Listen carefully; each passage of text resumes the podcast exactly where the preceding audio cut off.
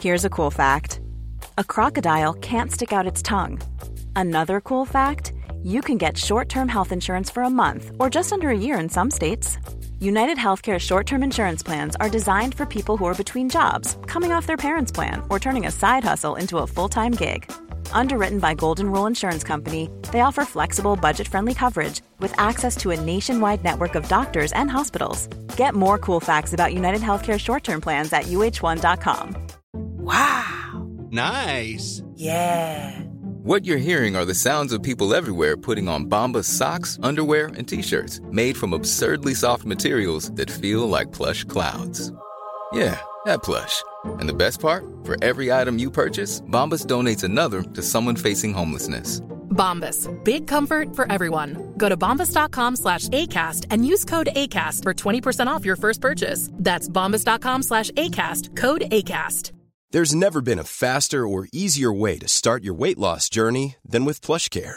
PlushCare accepts most insurance plans and gives you online access to board-certified physicians who can prescribe FDA-approved weight loss medications like Wigovi and Zepbound for those who qualify.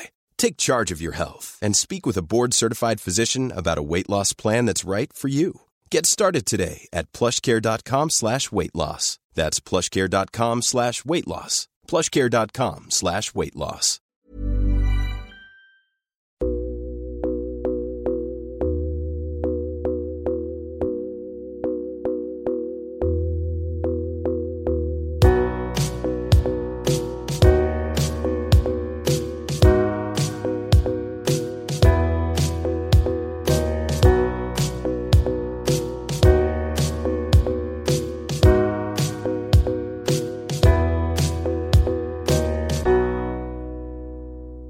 Lyssnar på Samtal, en podcast med fokus på fria samtal.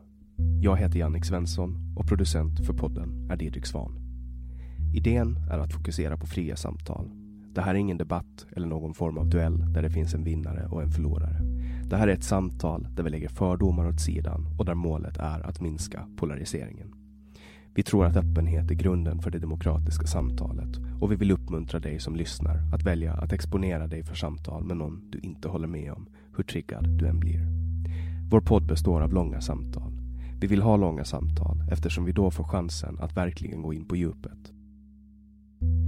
Den här podden presenteras av Webax, hemsidor och innehåll. Mer om Webax kan du läsa på www.web.ax. webb med två b. Jag heter Jannik Svensson och du lyssnar på podcasten Samtal.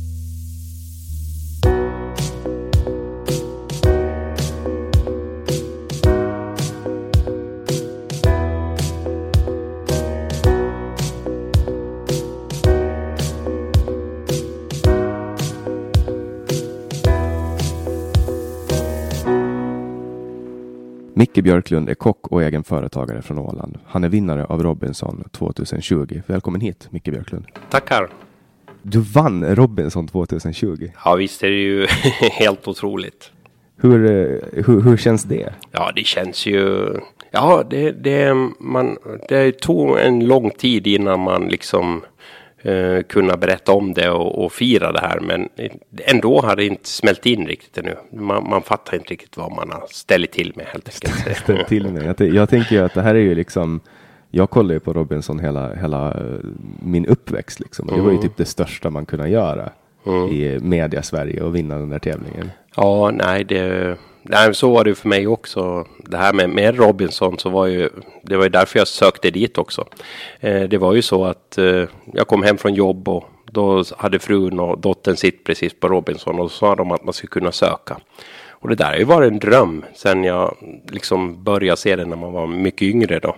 Så tänkte jag, äh, vad, vad har man att förlora? Man kan väl söka in helt enkelt. Och eh, det gjorde jag. Hade du sökt innan också? Nej, det var första gången som jag sökte in och eh, då var det ju mera sådär att se hur långt man skulle kunna tills man inte, jag hade ju ingen tanke på att komma med. Men det var ju ganska roligt att liksom få hela tiden utmaning. Först fick man ett samtal, jo, jag har gått vidare i liksom castingen då och sen var det intervjuer och så var det läkarbesök och så var det hos psykolog och, och liksom hela vägen då. Och, så, och allt måste vara hemligt för alla företag? Ja, ja, allt var hemligt. Det var familjen som, som visste att jag höll på med det här. Så att eh, det var det var otroligt mycket. Och sen vet man ju att man har ju något fel i huvudet i alla fall. Att förstå att det var 17 000 som sökte. Oh, eh, det är mycket människor. Och då plockar man ut 23 stycken så att nu är det ju så att man har något fel i alla fall. Ja, men, men, men, sen också att, att det här hemlighetsmakeriet, det måste ju ha gett upp det. Alltså du, du har vetat om att du har varit vinnare nu sen i, hö, sen i höstas? Ja, sen i höstas. Och du har hållit det hemligt? Ja.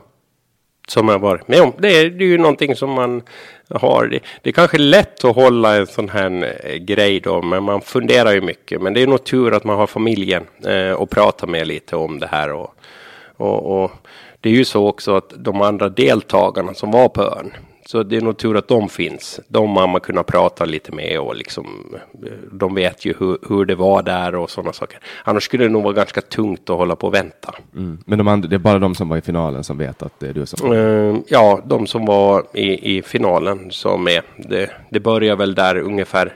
Det var väl tio stycken som vet om det. Liksom där. Mm. Och, och det här är den första intervjun du gör? Uh, ja, efter, efter uh, vinsten sådär. Så att, ja. mm. det, är ju, det är ju väldigt ärande att det går till, till en annan ålänning. Ja, ja men visst. Ja, men sånt. Vi, vi är en liten ö här så att vi får väl hjälpas åt med det. Och det är alltid skoj att kunna hjälpa till. Och du höll, du höll det hemligt eh, ganska länge på ön att, att du är ganska framgångsrik inom ditt yrke som kock. Ja, det gjorde jag. Eh, jag gissades inte berätta det för jag hade som tanke då att jag blir mycket förknippad både i, i Finland och fastlandet och i Sverige som, som kock egentligen. Det är det som folk känner igen en och kollegor och sånt. Så är att det har gått ganska bra i kocktävlingar egentligen. Men jag tänkte att nu när jag far till Robinson så vill jag att människorna ska få en uppfattning vem jag är och inte att jag har en stämpel på att jag det har gått bra i kocktävlingar och, och den biten, utan en stämpel egentligen på att uh, jag är Micke, tjocka runda ålänningen som är med i Robinson helt enkelt. Du är inte lika tjock längre? Nej, jag tappar några, några kilo och uh, ja, det är ju bara siffror förstås, det man har tappat, men men jag kände ju där under Robinson-tiden också att det blev lite lättare att röra sig. Så att nu försöker jag liksom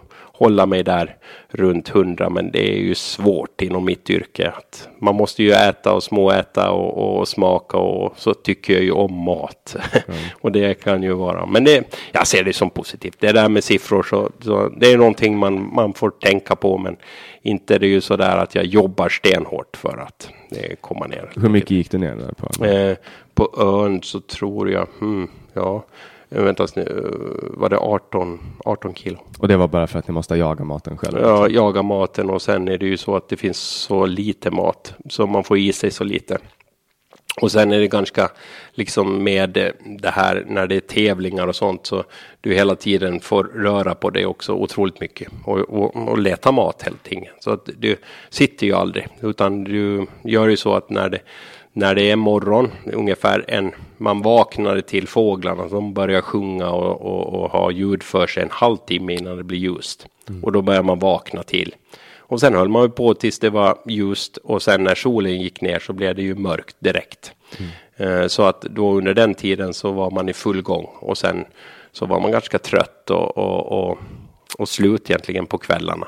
Hur många procent av tiden så var, var kamerorna där och filmade? Eh, jag, jag, skulle nog säga att de var, det var ju också på nätterna filmade de. Eh, så att de, ja. De kom alltså ja, när ni låg och sov? Eh, jo, då, då var det också en kamera som gick där när vi sov och det var som nattvakten som vaktade hela oss då. Att vi inte skulle sticka och göra något fuffens eller att någon skulle komma och stjäla oss eller någonting sånt. Så, mm. så de hade också en kamera som de filmade.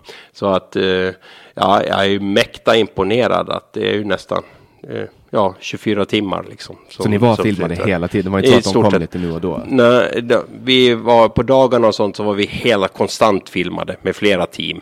På nätterna så var det nattvakten, men han var ju inte hela tiden där när vi sov, men han, han rörde sig med en kamera. Så det finns också sånt som är filmat på natten, men då, då är det ju mycket svårare, för då är det ju becksvart som är då. Men eh, det är ganska otroligt om man tänker att de nästan filmar då, ja, ja, vad ska man säga, 20 timmar kanske. Eh, och sen så klipper de ner det till 25 minuters eh, program. Så mm, ja, de har nog haft jobb de som har hållit på och klippt. Då. Upplevde du att det kom i, när du har sett det nu i efterhand? För du hade inte sett det innan va? Nej. Upplevde du att det kom i kronologisk ordning eller har de kastat om historier? Nej, jag tycker att de har gjort ett jättebra jobb. Eh, Det, jag tyckte att eh, det var precis som jag tänkte mig. Sen var det det som var roligt att vi visste inte vad någon hade satt, sagt i synkarna.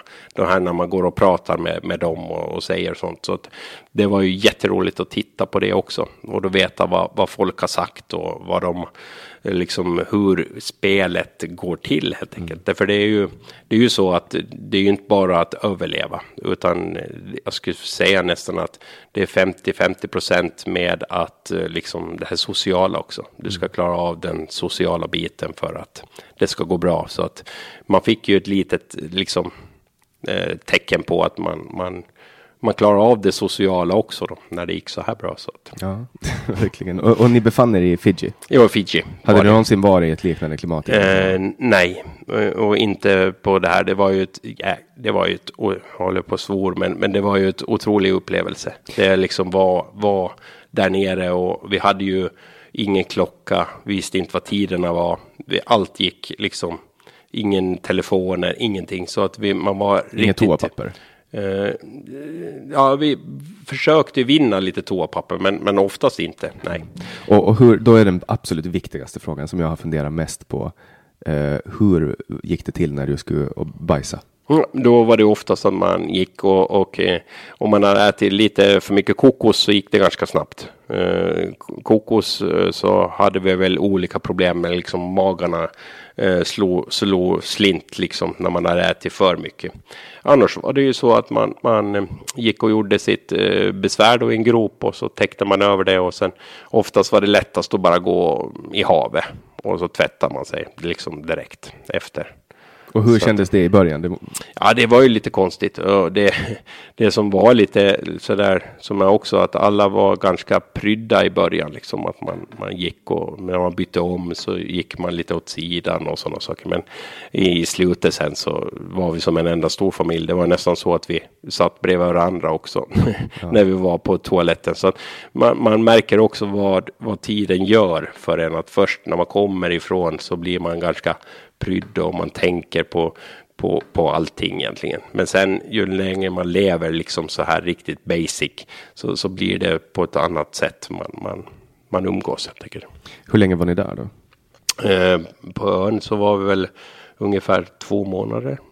Inte riktigt fullt två månader, men vi var borta ungefär lite över två månader. Men då hade vi några resdagar och sen var vi, man, man kollades upp innan man gick in i själva tävlingen och sen när vi eh, slutade så hade man en par dagar så de kollade läkare och, och kolla hur man mådde helt enkelt. Och försöka när man började fick äta mat igen, mycket mat, så att hur, hur kroppen eh, tog det helt enkelt.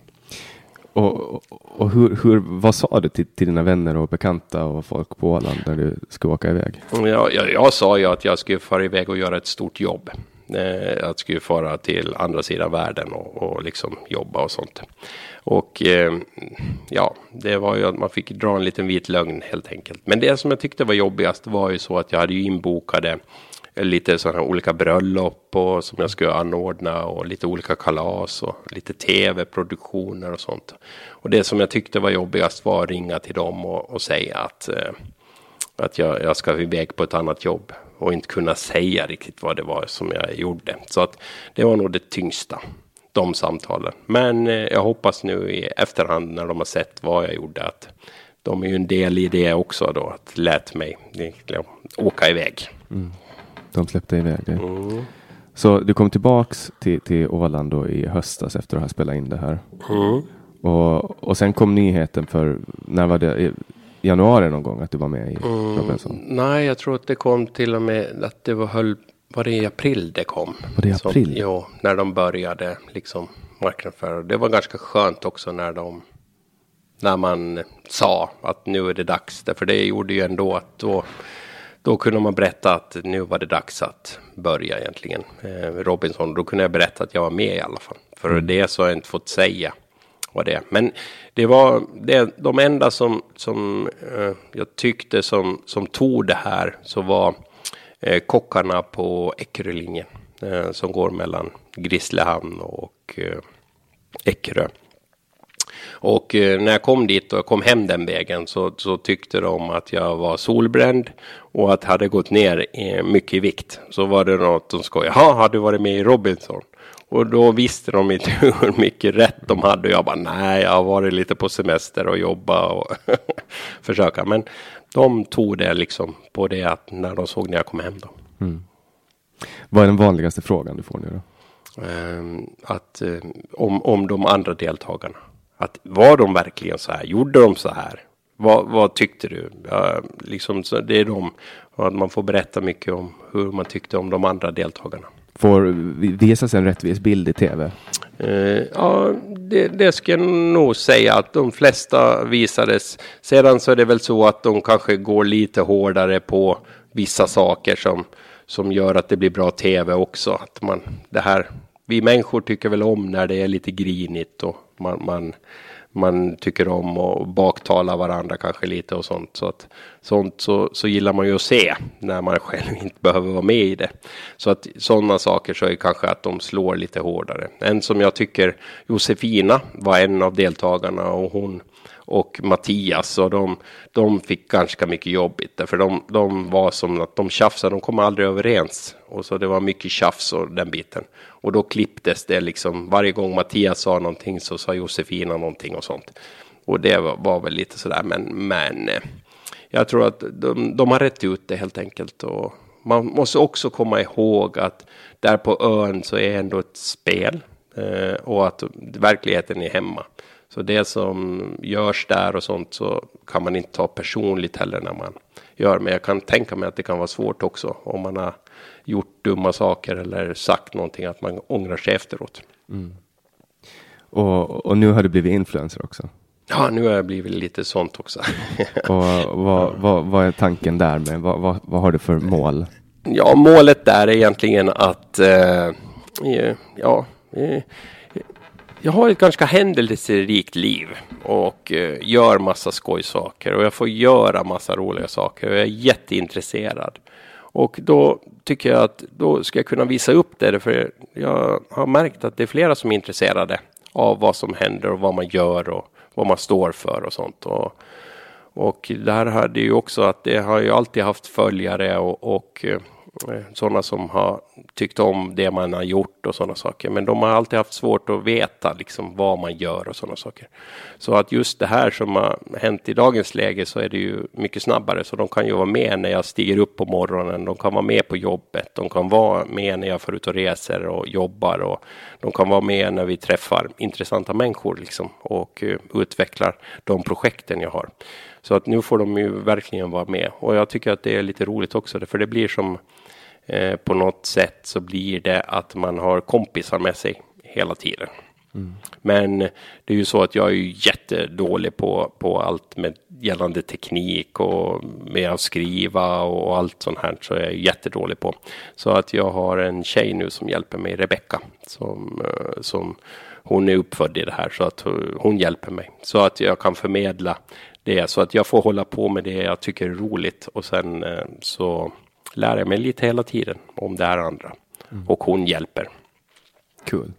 Och, och, hur, hur är mottagandet då på sociala medier efter, efter ja. de, Du har snabbt gått från 0 till 13 000 följare. Ja, 13 14 000. Ja, ja de, det, här, det har gått otroligt snabbt. Uh, det har gått nu, var det tre månader? Eh, som det har gått nu och eh, nu är väl uppe i 14 000. Så det, det, går snabbt med att, att få följare och det är nog tack vare också att man har sett eh, liksom i TV4 och, och den biten då. Så att det har ju ökat otroligt snabbt.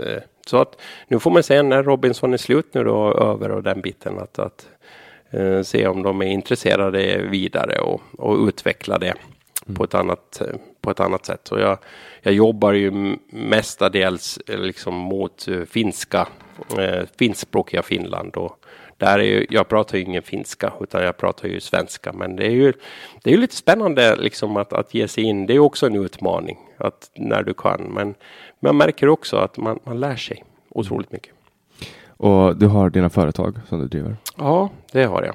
Och eh, jag har ju min, eh, eh, mitt moderföretag då som är Smakbyn då, Nordiska Matkompaniet då, som driver liksom restaurang ute i Kasterholm och driver också ett café, Jan Karlsgårdens värdshus drivs det.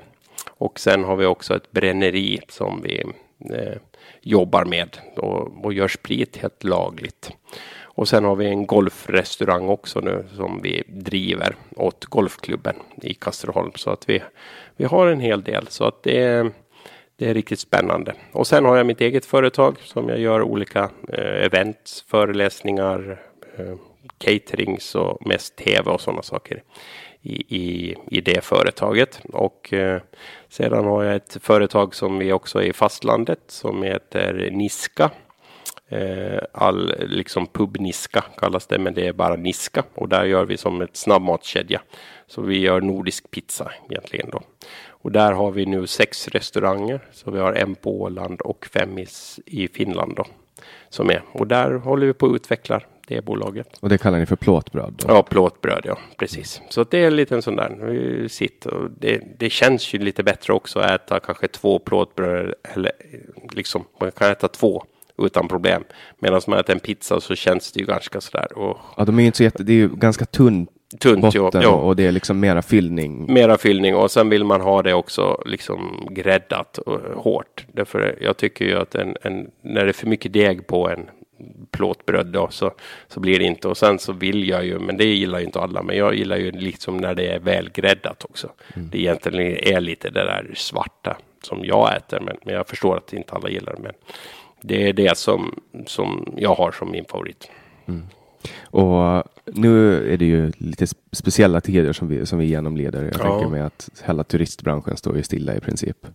Hur tror du det här kommer att påverka dina företag nu? Kommer ni att komma tillbaka på? Eh, ja, det, det, är ju så att eh, vi har, har ju ett företag som är med också som kompanjon som heter Heim eh, i Vasa. Eh, och där är vi tre delägare och jag är en av dem. Och den restaurangen så den har ju fungerat. Därför att i Finland så har vi måste stänga restaurangerna och ha bara takeaway. Och där har de gjort ett kanonjobb. Det har gått jättebra fast de har bara kört takeaway. Och det har ju gått, så där har det ju fungerat. Så där klarar man ju att överleva i alla fall. Inte att det blir så mycket över och, och den biten, men det blir inte så mycket förlust då. Medan på Åland så är det ju helt katastrof. Uh, vi har ju, vi är ju 30 000 som bor här och uh, takeawayen på Åland så om alla restauranger skulle göra det så skulle det inte ha fungerat. Så att vi valde att inte göra det utan att de som gör det, att de ska kunna ha möjlighet att, att, att få upp volymen och, och kunna liksom förtjäna lite pengar på det då. Så att vi har ju valt att hålla stängt helt enkelt då. Eh, nu ser det ut som vi ska kunna öppna. Eh, jag tror att det kommer vara ett jätteproblem med att, att öppna upp på det sättet att vi brukar ha bara på Smakbyn och Nordiska så är vi ungefär 60 anställda som vi har och nu kanske vi börjar med fem, sex mm. som kommer. Så det, det, kommer ju vara under lång tid innan man kommer igång så det kommer ju ha ganska stor arbetslöshet. Och det största problemet är ju här att eh, svenska sidan är ju lite stängd. Eh, man har ju liksom, de säger att man inte ska ut och resa så mycket och man ska hålla sig hemma och den biten och det är ju inte bra för Åland. Och sen har vi ju från fastländska sidan då så att man, man tänker att folk ska röra sig ifrån fast, fastländska sidan hit till Åland. Men problemet där är ju det att så länge regeringen säger att man ska hålla sig hemma och inte resa så, så inte kommer det ju att vara på, på samma sätt under lång tid. Det är ju först när regeringarna kan säga att nu ska ni börja resa och röra er i, i närområdet. Nu ska vi sätta fart på det här. Det är ju då som det kommer att börja hända. Så att nu är det ju bara att minimera skulderna så mycket som möjligt och, och allting för att försöka överleva det här året. Jag tror att det här året är kört. Utan det är ju så man får blicka framåt och se till nästa år.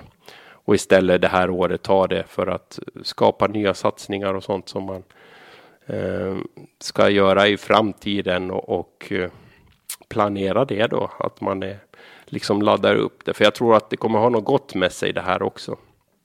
att det kanske är så att vi kommer börja resa lite mera i närområdet och kanske inte sätta oss på flygerna och sånt och åka runt hela världen. Eh, nu står ju många flygbolag har ju jättesvårt och sånt, men det kanske kommer att bli så att de kan börja ta betalt också och att det blir lite dyrare att flyga och kanske mindre flyg som kommer att göra och kanske att vi också måste vänja oss att inte kunna åka tre, fyra gånger på semester eh, till vart man ska åka utan att man kan liksom röra sig. Eh, i närområdet och på det sättet också så kommer det att bli dyrare att flyga tror jag. Eller det behöver det bli och på det sättet då så så kanske man kommer att kunna fara på en semester kanske varannat år eller vart tredje år på en lite längre resa. Och kanske hemestra lite som folk ja, pratar om. Ja, precis. Och, och, och, man, man är lite mera hemma då istället, liksom i närområdet. Och det skulle jag säga att vi i Norden så är ju lyckligt lottade. Vi har ju alla sorts klimater och, och man kan titta på, alla har olika miljöer i närområdet. Mm. Som är, och jag har haft turen också att få resa runt lite i Norden och göra lite olika saker. Och det är ju så att alla skiljer sig ju. Du har ju Island och du har Norge och Finland och Sverige har ju också både när de har norr och, och södra och sen Danmark som är porten till hela Norden. Så att det finns ju mycket att, att se. Hur, hur kan du rekommendera att överleva i två månader på en ö i Fiji? Eh, för att rekommendera den biten så är nog att man eh, ska kanske, ja, om man blir två det är nog att man, man ska ha lite kunskap på vad man kan äta eh, och sedan så är det nog att man eh, måste ha tillgång till vatten. Sen att, ja. Nej, sen, hade, hade ni tillgång till vatten? Jo, vi hade, jo, jo, annars, vatten var viktigt. Så det var väl det som vi gick största delen. Och sen att man lär sig öppna en kokosnöt för mig var det ju första gången som jag öppnade en riktig kokosnöt. Liksom när den var liksom brun och man skulle ta bort första lagret för att komma in till nöten och sen hur man skulle knäcka nöten för att få allt det här köttet och, och sådana saker i den. Så att, Kollade du inte upp det på förhand? Nej, jag hade inte kollat upp det. Men jag hade Cruise eh, som också var kock eh, som var med där. Så så han, han måste säga att han var nog en riktig Robinson, en riktig överlevare ska jag säga. Han hade jättestor kunskap när det gäller att överleva. Sedan kanske han inte var 100 % i det sociala. Eh, liksom han, han, han var ju otroligt ung också så att det kunde vara så att det blev lite explosioner där. Men eh, ja, jag är imponerad av honom. Han är ju en riktig överlevare.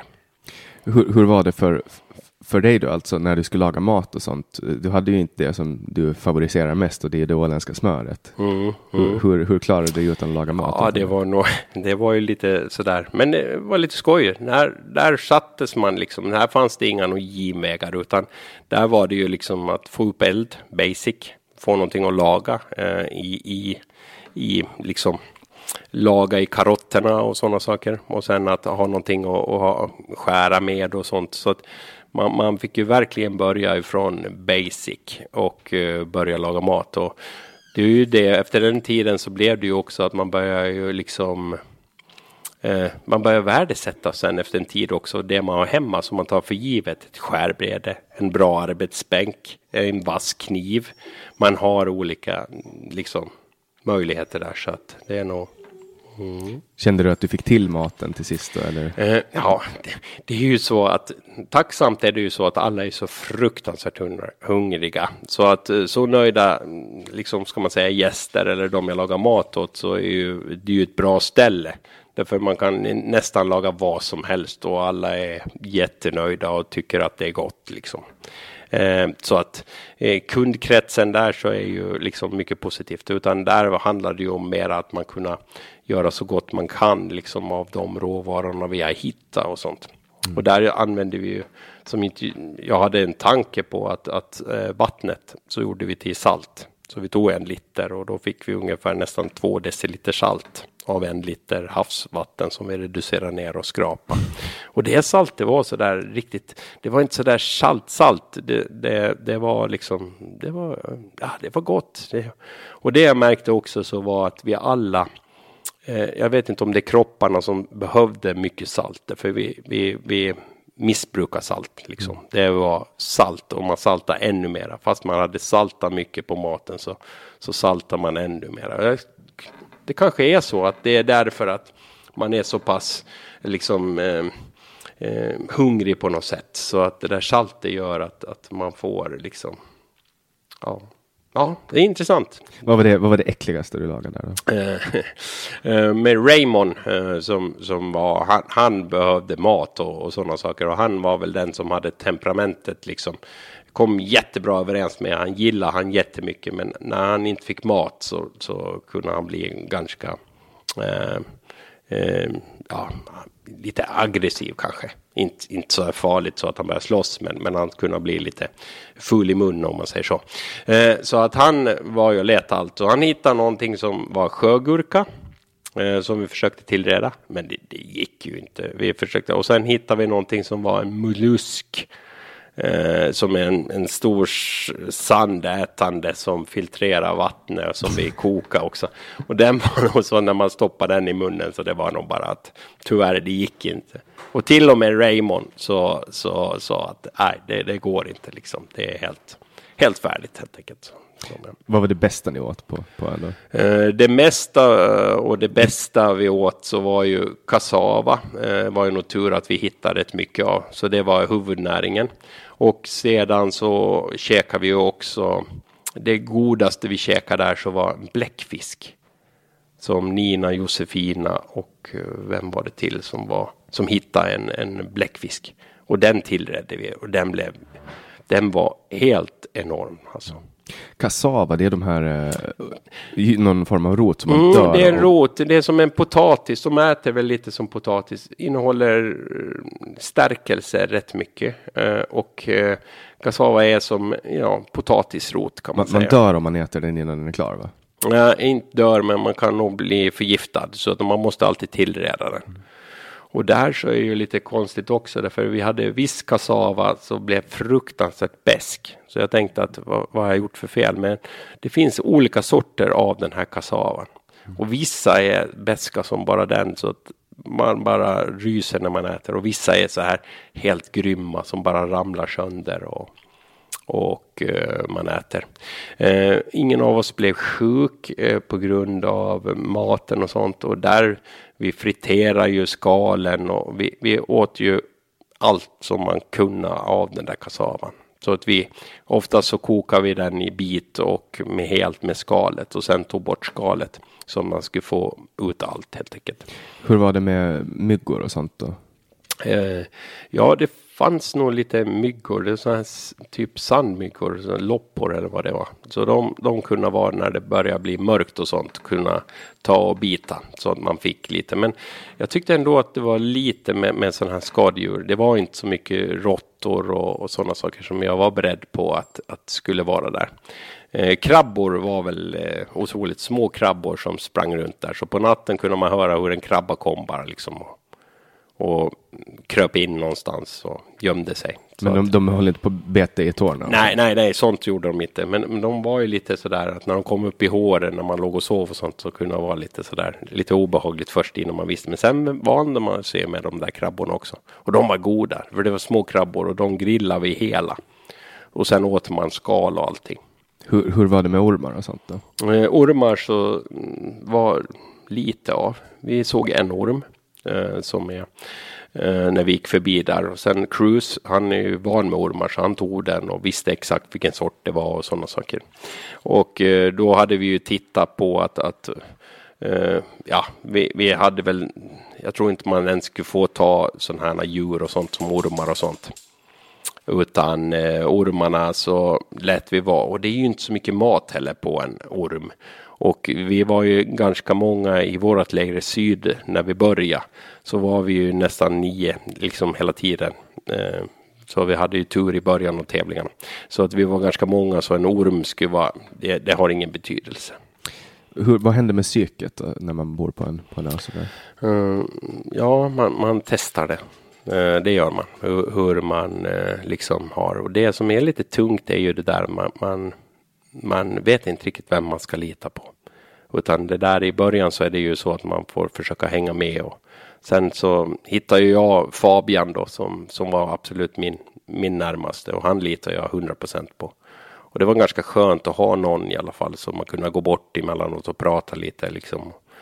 allmänt och, och titta lite. Så att vi hade våran lilla pakt, men jag tror att det var den minsta pakten. Vi var som två två i den eh, liksom genuina pakten då. Sen Fabian var ju också att vi hade ju lite olika som var med i den där pakten också sen då under tiden. Så Josefina var ju, hon var också en del av vår. Så vi, ja, det, det var aldrig, det kunde ha blivit en stor pakt, men det blev aldrig så stor. Hur var det med kameror och sånt? Och kom de med när ni skulle prata för er själva? Eller? Um, jo, de, när, de, när man gick iväg och sånt så, så ville kamerorna komma med då. Om man skulle diskutera någonting som, som gäller spelet eller liksom den biten. Så att de var nog med. Men ofta så var det ju också så att man kanske inte var så något intressant man pratade om ändå. Utan det var ju oftast de ville höra liksom strategier och hur man skulle spela spelet och sådana saker. Så, så. Var, det, var det någon, um, vad ska man säga, kameramännen, blev ni kompisar med dem? Det blev det ju. Vi, vi fick ju det. Eh, vi blev ju eh, ka med kamerorna och sen var det en ljudkille, nej men ljudkille eller tjej och sen var det en producent. Och det här var ju ett team som jag tror att de var kanske tio team eller någonting sånt som, som rullade runt med oss. Så vissa hade morgon tid och sen hade några kvällsskift och så rullades runt. Produktionsteam? Jo, alla, alla pratar svenska uh, i, i, i de här uh, teamen då. Och det var de som gjorde synkarna och gick och plockade bilder på, på ön och, och den biten. Så det, det, visst blev man ju liksom lite kompisar men de hade ju inga liksom klockor och kunde inte berätta så mycket. Men, men det blir ju så när man umgås så där också så att man blir ju som lite kompis med dem. Sen, de, sen var det ju så här när det var öråd och, och den här biten så då hade de en ljudkille som hade hand om ljudet. Jag tror att han var ifrån Frankrike. Som var som jude. Så att uh, han hade liksom, jag tror att han var ansvarig över. Så det var väl han enda. Och sen var det en, en dansk som var den här lekledaren, eller vad ska man säga, som ordnade tävlingarna och såg till att de skulle funka fungera och sånt då. Så han var från Danmark. Men annars var det en svensk produktion helt enkelt. Och du var enda utlänningen så att säga? Ja, den, den var det. Jag hade några österbottningar med mig också. Mm, där. Vi hade en som var som producent. Eh, en uppifrån Jakobstad. Och sen så hade vi också några som var där och byggde. Snickare. Som är där ett halvt år innan eller hur länge som helst. Liksom där. Men de jag tror att jag bara träffade dem lite kort då. Så att det blir ju så där att när, när man ändå kommer ifrån Åland och, och vi tillhör ju Finland så, så blir det ju liksom att det blir ju som eh, svensk Finland så det blir ju som en diskussion liksom att man, man blir lite.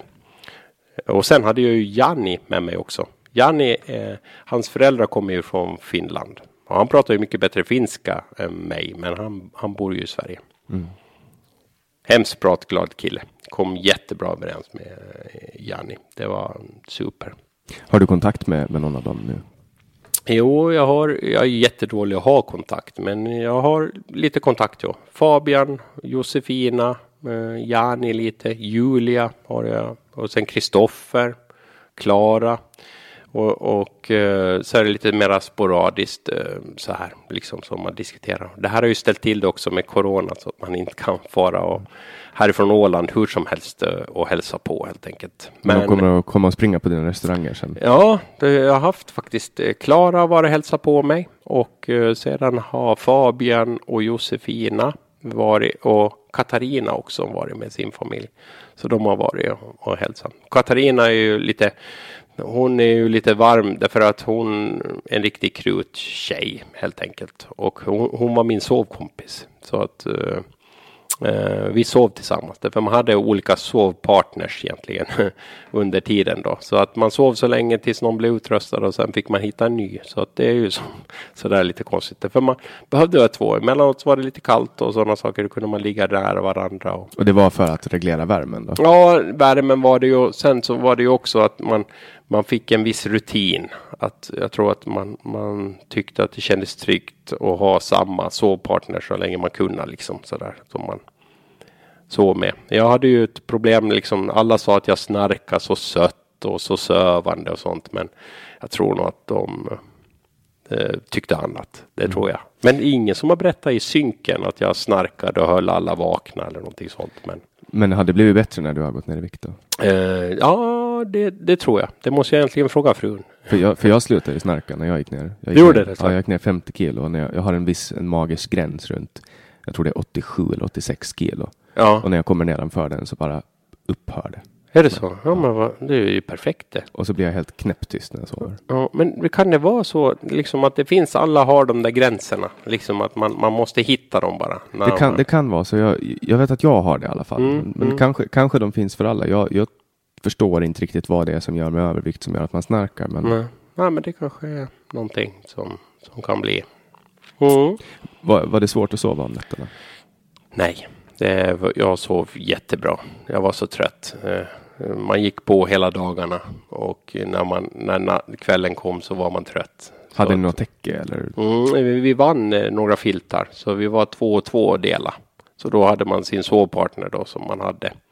Och sen hade vi som här gröna väskor eh, som vi egentligen skulle ha allt vi hade med oss. Vi har vissa grejer som vi fick ha med oss, privata grejer då. Som, Vad var det? Eller? Ja, det var ett par skor och sen var det ett par kalsonger. Ett par kanske? Ja, ett par. Så att det var. Och sen var det shorts och så var det ett par byxor. Och sen var det en t-shirt. Och sen var det som en, en jacka eller en hoodie eller någonting sånt som vi hade. Så det var inte så mycket. Och sen personliga saken då som man hade med sig. Vad valde du? Eh, jag valde eh, schackspel fick jag. Men det var, jag tror att alla, det var ingen som fick sitt första val. Därför alla hade ju tändstål och yxa och nät och, och kastspö och sådana saker. Men det skulle ju vara någonting som var liksom nära en. Så att jag tror att mitt det här så var det tionde grejen som jag skulle vilja ha med mig. Vad var din lista då? Ja, min lista var ju alltifrån hängmatta, kudde, eh, nät, eh, eh, spjut, eh, ja, ficklampa, ja, det, det, allt sånt här som man kunde ha då. Så, Det blev ratat och du fick ett ja, schack, nej, nej, sen fick jag ett schack. Men det var ganska bra också. Jag spelade eh, schack där med kanske inte så många, men, men den enda som vann mig i alla fall var Mattias. Mattias var jäkla duktig på schack. Han, var, han, han sa att han var dålig, men, men han, var, han var riktigt bra. Så han vann mig i schacket. Men han var den enda som vann mig. Vad hade de andra med sig för, för grejer då? För jag tänker att man, jag ska ju, jag vet inte vad jag ska ta med mig. Eh, Det andra de hade med sig så var eh, tandkräm hade någon med sig. Öronproppar hade man. Så var det någon med ficklampa. Och den fick, fick, någon fick ficklampa? alltså? Ja, i andra laget. Och sen var det någon som hade kudde med sig. Fick faktiskt någon som hade kudde. Och sen var det också eh, tandborste. Fick någon med sig. Och så fick någon med sig ett snöre. Och någon fick med sig också sån här eh, cyklop, eh, dyk, dykcyklop med sig. Men det som jag tyckte var intressant så var eh, det att de fick med sig dagböcker. Så det var två som hade skrev dag, dagbok. Och det var, nej, de var, var de tre? Det var Katarina, det var Julia och Klara tror jag som hade med sig. Och det är ju det som var roligt, för de skrev ju verkligen. Och, och liksom dagböcker, vad som hände och, och sådana saker. Så att det, det är ju liksom roligt också att ha det. Och vi pratar ju mycket mat så det skrevs ju ner otroligt mycket om, om, om, om, om matrecept och vad alla hade som favoriter och sådana saker. Och sen så var det ju faktiskt också, vänta nu hade, hade kamera också. Det var någon som hade engångskamera. Vänta nu, vem var det som hade engångskamera med sig? Ja, men det, det var någon också som vi, vi tog bilder. Mm. Ah, det är så jobbigt det där. Man inte kommer ihåg liksom. Kan, och det, det är ju så länge sedan nu. Hur var det med regn? Var det mitt i regnsäsongen det här eller var det torrt mestadels? Nej, det var nog torrt. Vi hade några, några regnnätter som var ganska tuffa. Eh, vi hade en natt som var riktigt jäklig. När det bara kom in vatten och det blåste in och det var kyligt liksom. Så att eh, det var riktigt jobbigt. Och då sov jag bredvid, var det Mattias jag sov med och han låg ju och sov i, en, i ett kärr liksom i, i vatten. Satan, Var det kallt? Ja, det var kallt den natten som var riktigt kylig. Jäklar vad det blåste. Och ingenstans där det var torrt? Mm, nej, så att då var det många som höll sig vakna hela natten liksom. Och, och, och liksom stod någonstans och försökte få lite vind, vindle liksom på det där. Så att, eh, ja. Kände du att du var nära att bryta ihop någon gång? Mm, nej, jag kändes nog... Ja, nej, det gjorde det inte. Utan det, det kändes nog bra hela tiden. Det, det som man var mest oroligast för var ju att åka ut egentligen. Eh, och, och den biten. Men jag hade också att vi... Jag tyckte att stämningen var bra. Eh, jag tyckte det i alla fall. Eh, vi kom bra överens. Eh, vi stöttade varandra. Och eh, det var kanske inte så jättemycket tjafs som, som jag tyckte i alla fall. Så att ja, det gick nog ganska bra på ön. Vad gjorde att du, eh, att du vann? Vad tror du att det var som gjorde att, att du tog hela vägen? Eh, det som gjorde det nog var nog att eh, jag blev att laga mat. Tror jag var en viktig sak. Och sen att jag, ja, jag var mig själv. Jag var den som, som jag är i vanliga livet också. Eh, och ganska lugn, tyst, försiktig. Undvek ju alla konflikter och sånt. Tyckte att det var roligare att samla ved istället för att hamna i en konflikt. Och det kanske också hjälpte mig på det sättet. Och sen att jag var ärlig. Jag har ju vissa, jag är inte perfekt på något sätt. Eh, men jag är alltid van med att, att fråga hjälp. Om, jag, om det är någonting jag kan eller att någon är duktigare på det så är jag lyhörd och lär mig av det. Och det tror jag också är en ganska bra grej om man är på Robinson att man, man eh, kan fråga hjälp av sådana som är duktigare. Och eh, det kan också vara en, ja, en, en känsla därför att då är det ju någon annan som, som får hjälpa till och känna att man är med också. Så det kan vara eh, faktorer. Och sen är väl det att jag är inget hot. Det var väl det också som är att man, jag är inte någon snabbis på något sätt eller jag är inte liksom någon som är duktig på att pakta eller någonting sånt. Så Men i, jag, efter, i efterhand var ju du den farligaste. Ja, då var det, där ser man hur det kan gå. Jo. Att jag var väl den farligaste i efterhand som, som är då att man, man glider med sådär. Så att det var väl, ja, det var ju den grejen som, som kan ha beroende på liksom att, att det gick så bra. Och det där, sen hade jag nog inställningen också. Eh, jag hade ju inställningen på att jag, det enda jag inte ville var att åka ut först. Det var det enda. Därför jag varit med i Kockarnas kamp och där fick jag tyvärr lämna efter tre dagar. Jag var den första som åkte ut. Och det älskar ju att tävla, det tävling. Då fick jag ju tävla i det som jag tycker är allra bäst. Så var det förbaskade pannkakor eller plättar som vi kallar det i Finland. Som jag åkte ut på. Så att det, det, det sitter nog rotat i mig än. Så att det var det bara jag tänkte att jag ska inte ut först. Jag ska inte ut först. Så, Och sen, efter det så var du ganska avslappnad. Ja, men sen var jag nog avslappnad och det kan också göra det. Att, att jag hade väl inte, kanske många säger då som Mattias sa ju att han, han, han gick ju bara för vinst liksom.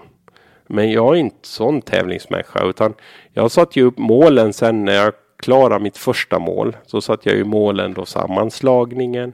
Tänk vad roligt det skulle vara att komma till finalveckan. Och, och sen byggde målen med, med tiden. Sen när man står i final så självklart vill man ju vinna.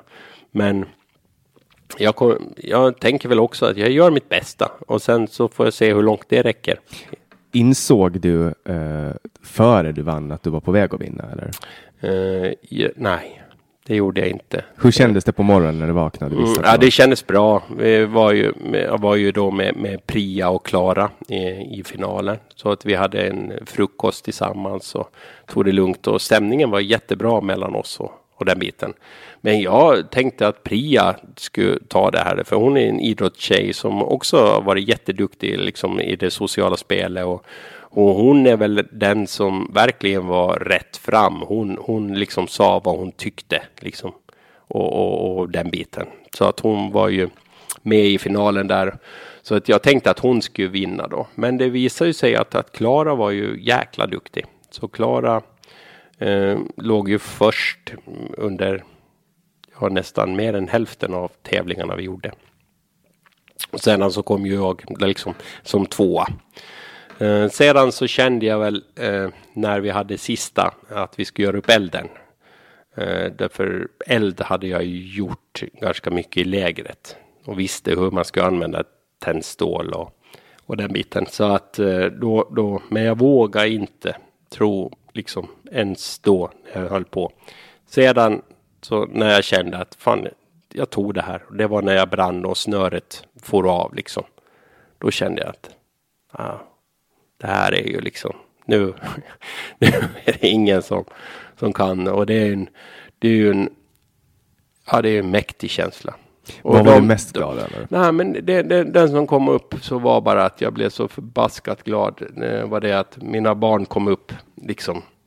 Eh, att eh, det kom upp som allra först tanken när jag visste att jag skulle vinna. Att fan, det här, det här gör jag för, för barnen, liksom. Nu jag visar att pappa kan, liksom. Det, det var det var det som kom upp först, absolut. För Anton och Agnes. Det, så den, den här segern var för dem helt enkelt. Och vad, vad tänkte du sen? Vad, vad liksom, för det är ju en, man vinner ju en ganska bra summa pengar. Det är ju 500 000 kronor. Mm. Eh, ja, den så är det väl nog att eh, vi ska hitta på någonting med familjen. Och eh, sedan så har jag nog tänkt att jag eh, ska nog ge bort den summan så sett. Eh, hoppas jag kan göra det. Det är ju så att jag kanske ja, måste betala någon skuld också som någon håller på att bli arg på mig förstås i dessa tider. Men, men annars hade jag nog tanke att jag skulle ge det åt någon som verkligen behövde det här. Liksom. Och jag har ju lärt mig under Robinsons vistelse att mat är otroligt viktigt. Mm. Eh, så att det skulle vara någonting jag skulle ge det till någon som, som håller på med mat helt enkelt. Nu har du ju hela Åland som är stolt över dig. Ja, ja, det, ja det, det är nog. Och det har jag nog märkt hela tiden, hela säsongen, att, att jag har haft många som har liksom stöttat en och, och klappat. Och även i, i fastlandet, eh, Österbotten, som är starka fästen jag har. Så, så där har det varit många som har skaffa det här för att kunna se liksom eh, Robinson. Eh, som har varit. Så att jag har nog haft en jäkla uppbackning. Och här på Åland var du ju en kändis innan. All, Ja. Alla här vet ju vem du är. Ja, det, det, ja, och det är kanske det att man, man har hållit på att kocka på. Så att, men det är roligt också att man kanske har visat nu att man, man, man kan annat också än att, att laga mat. Men sen har det ju också att göra med, tror jag, att du lagar väldigt, väldigt god mat. Ja, Det är svårt och jag kommer ihåg för några år sedan eh, när jag var på Smakbyn och åt gladgris. ja, Det var lite roligt när, när, när du blev av med framtänderna. ja, det var jag. För att det, jag kom att tänka på, på den gången som du stod och presenterade skillnaden på en glad gris och en, och en vanlig gris. Så Grisen, att säga. mm. Men, men hur, hur gick det med framtänderna till? Ja, framtänderna var ju en, en tävling som var, Eh, det var ju faktiskt, eh, det var en tävling jag vann. Så att den, den var det så att, det var det ju så att jag tänkte att man skulle samla gris eh, så mycket som möjligt och eh, då tänkte jag att ja, det här, jag ska ge 100 procent. Vi hade ju deltagare som bara valde att äta också. Som stået, alltså jag tänkte att ja, hot är här så är inte allt, allt så, så hårt helt enkelt. Så att det här ska jag ta. Sen, sen var det så att jag fick ett bra tag. Så jag fick en halv gris liksom. och tog, tog den i munnen då. Vi hade ju bara liksom det här. Och jag hade ju en lagring från förut i mina framtänder. Som jag glömde bort. Jag hade sånt adrenalinpåslag. Så att det liksom fanns inget. Och så tog jag i bara och så slet den och kände jag att det var tyngd på. Och sen gick jag bort med den och släppte. Och då kände jag att det känns lite konstigt. Då kände jag med tungan så. Alltså. Då hade tänderna satt i grisen där. Åkte de ut med roten? Ja, nej, inte med roten, utan de låg liksom. Jag hade de här. Hur ska man säga? När man har lagningar så har man någonting som tanden sitter fast i. Så de var kvar liksom. Eh, De här, De här fästena, stål- fästena, fästena. ja, stålfästena var kvar. Titaniumskruvar eller något Ja, sånt? någonting sånt. Ja, kan vara. Så att eh, de var kvar. Och eh, ja, men det var väl det att tänderna vägde. För Kristoffer var ju också otroligt eh, bra där. Så, som, eh, som, eh, som också var nära att vinna. Han tog också en ganska stor bit. Men jag tror att det var tänderna som avgjorde. De vägde lite extra. Så det var värt att offra? Absolut. Offra tänderna? Absolut. Och sen när man visste vad, vad priset var. Det visste man ju inte innan men det var ju en frukost och då kunde jag bjuda Fabian på frukost då. Och det kändes också lite roligt. Och sen det bästa av allt var ju att vi fick ett telefonsamtal. Mm. Då man inte pratat med dem hem. Så att eh, det var ju helt sagolikt. Det var ju bara synd att den där frukosten, den dagen hände det så mycket. Så att eh, hela, hela frukostpaketet kom upp. Eh, klarar inte av att hålla det i, i magen. Så, och det är, nog, det är nog hemskt när man känner att, att man, man har njutit så mycket av det här och tänker att ja, nu får jag lite energi och sånt och sen så kommer det upp. Och det var psykisk press? Eller? Ja, det var, den var, jo, det var så mycket som har hänt. Det var liksom, jag har fått samtal hemifrån. Man, det är ju också en sak som, som man tänker, för jag har sett några gånger sådana här, liksom Bonde söker fru eller sådana här, och så, så håller de på och gråter eller någonting sånt. Så där, äh, men inte behöver man, eller liksom man är borta så här, Robin, ja, inte man borta så länge, varför ska man, ska ju snart träffas och sånt. Och jag har väl den attityden att inte ska man gråta och sånt, men oj vad fel jag haft. Eh, jag märkte ju liksom känslorna när man är borta ifrån dem man, man liksom tycker om och, och, och den här biten. Så blir det ju ganska tungt sen när man får höra deras röst och känna liksom att jäklar nu är det ju liksom eh, ja, det är så nära på något sätt. Så det är nog ja, det är väl då, då en tuffing som mig har svårt att, att, att hålla tillbaka känslorna då. Absolut. Mm. Kommer du att åka tillbaka? Kanske. Eh, om, om barnen och sånt skulle vilja dit och titta och familjen så kanske uppleva efter några år, uppleva det igen lite, titta på. Men inte att, att tävla så sett. Det, det har jag gjort en gång nu så att. Uh, Bodde det andra människor på ön? Mm, ja, det var, jag tror att det var någon by någonstans på andra sidan. Det var en ganska stor ö vi var på. Så vi var vissa delar av den ön då som vi hade. Och allt var ju också eh, inhägnat. Så det fanns ett gult band och utanför det gula bandet fick vi inte gå. Så att, eh, men det var jättelångt. Man kunde gå ihjäl sig ändå. Fast det där gula bandet fanns där. Men mm. Det var några gånger som vi kom till gula bandet. Mm. Fick du dina tänder lagade direkt eller? Eh, nej, jag, de fick jag lagade när jag kom hem. Så att jag hade precis samtalet med frun då så ringde, eller sa jag att nu har mina tänder åkt och så inga problem att jag fixar när du kommer hem. Så att jag kom hem och sen dagen efter så fick jag fara direkt till tandläkarna och fixa framtänder. Så kockarna på Eckerlinjen, de såg att du inte hade framtänder? Eh, det gjorde de. Hur, hur, hur, kommenterade du det? Nej, men inte, inte, inte, no, inte vågar man kommentera liksom andras tänder så sett. Nej, det är sant. Det är så sant. att det är ju ofta som tittar lite konstigt på en, men, men inte sa de någonting sådär. Hur, hur länge tog det att vänja sig med att bara ha den där? Mm, ja, det tog, det tog nog Nej, jag vände mig aldrig. Det var så jag började läspa när jag pratade och inte hade framtänderna. Så det var lite så här konstigt liksom att göra. Men, men mm. Så kan det vara. Ja, det såg lite roligt ut. Du med din gröna Åland t-skjorta och inga tänder. Eh, inga tänder. Helt och... ruggig. Men jag är så van att se dig. Du är alltid så, du är alltid så finkammad. Och, ja, alltid som bitarna. Och så har du vit, vit uh, kockjacka eller vad, vad det heter. Ja. Och, och, och, sen helt plötsligt så står du i ett par shorts utan tänder. och håret står åt alla håll. Och skägget och, och när man var, det blev nog i slutet där så var man nog som en riktig Robinson. Eh, liksom. Eh, ja, man, man hann ju inte. Men det som jag tyckte var intressant också där var att man, man doftade inte, liksom, man, man kände inte att någon skulle lukta illa eller någonting sånt. Att, att, eh, jag vet inte om det var det att vi umgicks så mycket med varandra så att vi kände inte liksom att det skulle dofta. Eller annars kan det vara det med maten också, att det var ju en ganska vegetarisk mat vi åt liksom. Att det kanske har någonting med det också med doften att göra.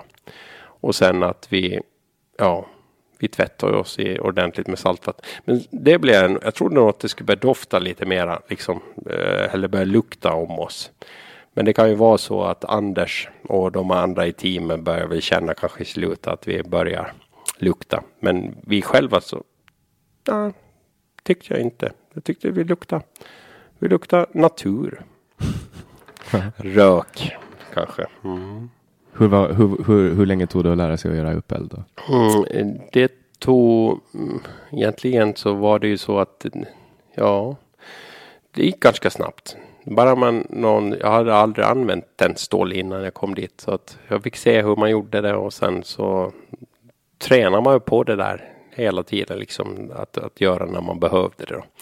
Eh, sen blev vi ju duktiga med att hålla elden så att i början så eldade vi hela tiden dygnet runt men det, det blev ohållbart för det blev så mycket samla ved om man ska ha hela dygnet runt.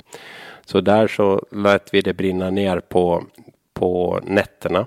Och sen på morgonen så tog man, då fanns det oftast lite kol kvar i den här bädden då efter en tid man eldade. Så då var det. Sedan när det hade regnat och sådana saker så då var det ju slockt. Så, men då hade vi satt undan lite tänd, eldtände, så här torrt som vi hade i säker plats så att inte vattnet skulle komma åt. Så då fick man ta fram tändstålet och börja med att, att få upp eld igen. Då. Mm. Och har du någon kulinarisk eh, inspiration som du ska ta med dig till till jobbet nu? Mm, jag, jag, jag skulle vilja bjuda alla som var där nere på kassava. Eh, och jag skulle vilja laga kassava med fullt utrustat kök. Som jag inte hade där. Och så att man kan också smaka på kassavan när, när du har haft full tillgång till olika liksom, hjälpmedel. Och kanske plocka fram en som inte är bäsk. Ja, ja, precis. Som är. Jag tror, ja, där ska, det ska jag vilja göra. Så det kanske blir kassava på menyn? På ja, det, nog ska det finnas. Det ska nog finnas att smaka. Sen fanns det någonting som heter jams också. Som var också en, en påminner lite om rabarber. Eh, skälkarna och bladen. Och sen så var det en ganska stor rotselleriknöl såg det ut som. Men den var mjuk. Den var ganska god. Den var lite söt sådär. Mm. Hur var det med kryddor? Då? Hittade ni någon ört? Som eh, vi, använde, vi använde mestadels salt. Eh, inte, inte att vi tog in några örter och sådana saker. Sen så fanns det också i maktens boning som det hette. Så fanns det lite kryddor då som muskot och curry och, och eh, ja, det var de som fanns. Så att då var vi dit och, och lånade lite av dem också. Vi andra som inte bodde i maktens boning. För det fanns ju ett hus som var lite för, för alla de som hade vunnit en tävling och fick vara som eh, liksom en riktig chef då för allihopa. som bodde där och de hade lite andra fördelar som de fick. Och de hade kryddor men oftast de som bodde där så var snälla och delade med av kryddorna. Fast ja, det var lite sådär man fick inte. Men emellanåt gör man saker som man kanske det är ganska oskyldigt tycker jag ändå. Ja, lite kryddor. Ja. Vad saknar du absolut mest av alla till, tillhyggen och redskap i köket? Ja, det är kniv och skärbräde. Mm. Och arbetsbänk. Det är nog sådana saker som man värdesätter på ett helt annorlunda sätt i dagens läge. Mm. Och, och hur, hur kändes det att, komma tillbaka och, och, börja jobba igen då efter, efter den här upplevelsen? Mm, det, det kändes nog riktigt bra. Sådär. Eh, jag, eh, eh, ja, jag fick nog lite andra tankar och sånt när jag kom tillbaks där. Därför att där så hade vi inte mycket av någonting. Men när vi fick ris och vi fick liksom en köttbit eller vi fick lite olja och sånt så värdesatte du det på ett sånt härligt sätt. Liksom. Att en köttbit så var det så att vi delade upp den i nio bitar. Och så fick man en liten bit. Och så satt man och njöt och analyserade. Det var samma sak med chips. Så där snackar vi om att man kanske fick tre chips var. Chipsflagor. Mm. Och så satt man där och, och, och, och njöt av det. Samma sak med olja. När man fick lite olja på maträtten så var det ju fantastiskt. Och det där har jag försökt ta hem också. Därför att vi lever ju i ett överflöd. En chipspåse så är ju hur stor som helst och hur mycket man blir ju nästan liksom proppmätt om man äter en hel chipspåse. Men försöka ta det här att, att när man var där på ön så var, värdesätter man allt så mycket mera än vad man kanske gör när man har sånt stort utbud av saker. Och det försöker jag tänka på nu också, att jag njuter mera av när jag äter någonting. Mm. Så det är någonting som hänger kvar med dig? Att du kan... Ja, jag försöker. Men jag märker ju också där att, att det är snabbt att man kommer in i, i, i karusellen igen. Liksom. Att man, man rycks med igen och, och börjar. Och det är ju samma sak med det här också. att där ute hade vi inte telefon eller liksom visste någonting. Men eh, tänkte man att man skulle ta det lite lugnt med det också, men inte, det fungerar inte heller. Nu sitter man ju mera än någonsin på telefon och, och tittar och hänger med. Ja, nu är det ju influencer. Ja, nu är det det, så då måste man väl också förstås. Men, men det är också saker som, som man rycks med liksom också att göra. Så att, mm. Hur börjar matlagningsintresse för dig? Uh, mitt matlagsintresse började egentligen med att jag uh, har alltid hjälpt till då med min mor och far egentligen hemma. Men jag skulle bli möbelsnickare. Uh, och det fanns ju ingen utbildning för möbelsnickare på Åland så man måste till Norrtälje. Och sen var det det året som man skulle söka, eh, söka dit då till Norrtälje så då är det vissa som, som utbytesstudenter eh, eller utbyteselever då som hade möjlighet. Då. Tyvärr hade jag väl för dåliga betyg helt enkelt för att komma in där. Så att jag kom in sen på yrkesskolan, eh, kocklinjen. Och det var där som egentligen mitt intresse liksom kom. Utan förut har matlagning varit någonting som jag hjälper till i familjen. Hjälper till att skala och skära och koka och sådana saker. Sedan när man började gå i skola också så var det ju så att man såg ju att det var roligt. Liksom matlagning är ju ett, jag brukar beskriva det, det är ju ett konstnärligt yrke. Eh, du gör någonting och försöker göra det så bra som möjligt eh, och sen så så äter någon upp det och det du får, liksom det konstverket så, så är ju liksom tack, det var jättegott. Så att det är ju någonting som man kunna hela tiden liksom utveckla sig och man kan aldrig bli fullärd inom matlagning. Det finns alltid mer att lära sig. Man blir aldrig, man skapar eh, liksom kunskap hela tiden men det finns så mycket att göra och det där gjorde väl att det fanns någonting att du kunde aldrig bli färdig med att bli matlagare. Och det gjorde väl att jag började brinna för det helt enkelt. Och du blev klar innan du var 18 då? 18, mm, eh, jag var 18 då när jag gick ut. Eh, hotell 94 gick jag ut ur hotell och restaurangskolan då. Och sen vid millennieskiftet, det var då det började gå bra i alla tider? Ja, då, då gick det ju bra. Då, för då, eller, ja, 97 redan så vann jag ju eh, finska årets kock. Då var jag jätteung och, och, och den, då blev jag årets kock i Finland. Sen så var jag i Bocuse 99 och där kom jag ju delad femte plats. Och det är väl världsmästerskapen? Ja, världsmästerskapen. Då var det 23 nationer som tävlade. Eh, som var. Och då tävlade jag för Finland och sen år 2000 så var då det exploderade egentligen. Då blev jag årets kock i Sverige.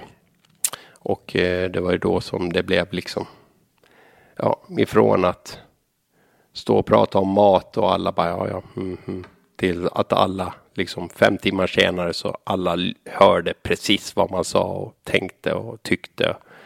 Ganska märkligt hur det kan bli på fem timmar så man är ju samma person mm. fast man har vunnit en tävling. Men man får en helt annan eh, hur ska man säga, status eller liksom så snabbt.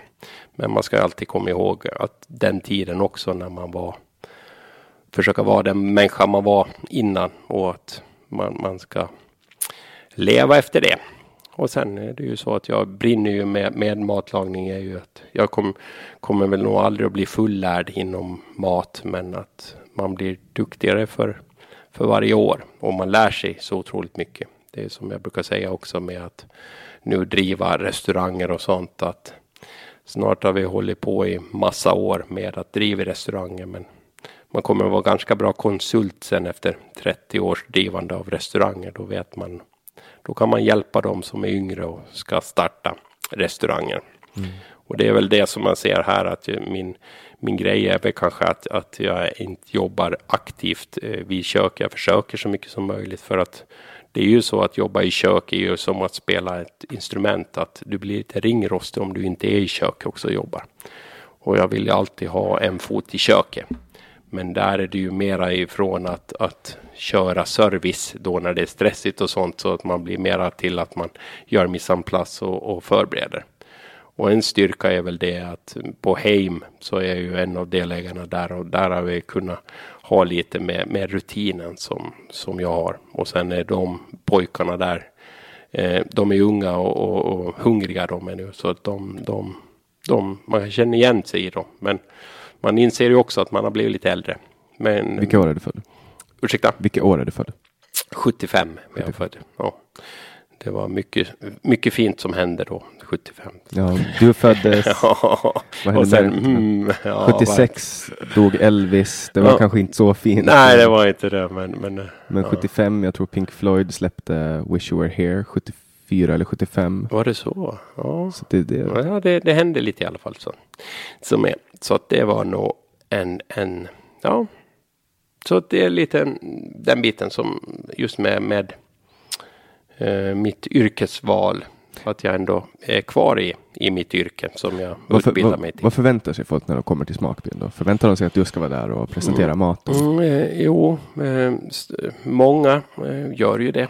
För det är ju nästan det, är nästan det bästa när man åker dit och äter, det är att du presenterar maten. Ja, ja det så. Vi, vi börjar ju också flera yngre kockar som börjar bli duktigare och duktiga också på att presentera mat och den biten. Och, ehm, jag, eh, förut så, så promotar jag att jag skulle vara där hela tiden och sånt saker. Men det, det är tyvärr ohållbart. Jag är där rätt mycket. Eh, men eh, jag håller också på med annat, liksom roliga saker som jag själv behöver göra för att utveckla mig. Så att jag är där när jag är hemma på Åland, men sen är jag också rör mig mycket i fastlandet eh, nu för tiden då. Och eh, förut så höll jag ju till i Sverige också då förstås, men, men nu, nu är det mesta Finland som, som jag håller på jobbar på. Vad är det som gör att du satsar på Finland när du inte kan finska? Ehm, ja, det är det att jag försöker lära mig finska och sedan så är det ju så att om man ser det matkultur som är den viktigaste kulturen vi har. Det håller alla musik och teater och sånt och säger nej, nej, nej. Men det är nog så. Utan mat så överlever vi inte. Så att maten är ju absolut den viktigaste kulturen. Och i Sverige så tycker jag att man har en jättefin matkultur redan. Man har kommit så mycket längre. Eh, liksom utveckling med kockar och unga kockar som startar och man är lyhörd och sådana saker. Eh, så att jag försöker liksom hjälpa till i Finland. För vi ligger lite efter där med just det här att man har inte insett hur viktig maten är i Finland nu. Så att eh, därför är jag där och, och, och gör korståg. Det låter brutalt, men nej. Men, men försöker hjälpa till så mycket som möjligt också att, att vi ska komma i fatt Sverige lite. Men du har bott tio år i Sverige? Eh, jo, bodde i Göteborg tio år. Och det var också, det var egentligen, det var mina lärorika år. Eh, jag hade jobbat med otroligt duktiga personer. Oftast är det ju så att när du jobbar med duktigare så lär du dig hela tiden av dem också. Så jag har haft möjlighet att, att få jobba med personer som har format mig helt enkelt. Var jobbar du då? Eh, Jag jobbar på många olika ställen. När jag kom så var det inte så lätt att få jobb i Göteborg. Då var det ju liksom så att jag fick lägga om taktiken och inte söka jobb utan söka praktikplats. Sedan när man fick praktikplats så, så blev det alltid någon som behövdes lite extra eller blev sjuk och sådana saker. Så då jobbade jag, när jag kom till Göteborg så jobbade jag nattklubb och lagade mat på. Och så lagade jag frukost och så lagade jag hotell och så lagade jag lunch och så var många olika restauranger. Men, Du jobbar på någon Michelin-restaurang? Eh, jo, eh, det gjorde jag. Eh, restaurang Fond. Eh, i, ja, sista restaurangen var i Göteborg så fick vi faktiskt. Vi startade upp den då med Stefan Karlsson. Och eh, i Göteborg så startade han Fond. Eh, och eh, där fick vi faktiskt stjärna. Eh, ifrån starten. Liksom efter några år så fick vi stjärna då. För för den typ av matlagning han gör. Och det är väl den som jag är präglad av också. Att jag jobbar mycket nordiskt helt enkelt. Har du en Michelin-stjärna som mål? Eh, nej, eh, jag har inte. Eh, för det, jag säger så att absolut behöver de restaurangerna finnas. Men eh, för mig så är det mera liksom laga mat som folk kan känna igen på, på ett sätt. Utan Inte något man- litet romkorn med ett Nej, eller att du har en, en rödbetssorbet med ett ostron. Mm. Hur många smakar på det? Så att oftast när folk smakar på det bara wow, oj, det här var så annorlunda. Medan om du lagar Janssons frestelse eller du lagar köttbullar eller steker en, en abborre och sånt så kan folk eh, liksom bedöma den därför man har ätit det. Så det är mycket svårare att laga liksom riktig mat som jag säger. Det, det andra är också riktig mat men det är ju mera konst och en, en annan sorts upplevelse än att driva en restaurang som, som, som lagar så folk verkligen liksom är. Och det, det tycker jag är spännande. Och det är ju sån mat jag tycker om. Jag tycker om husmanskost, rejäl mat.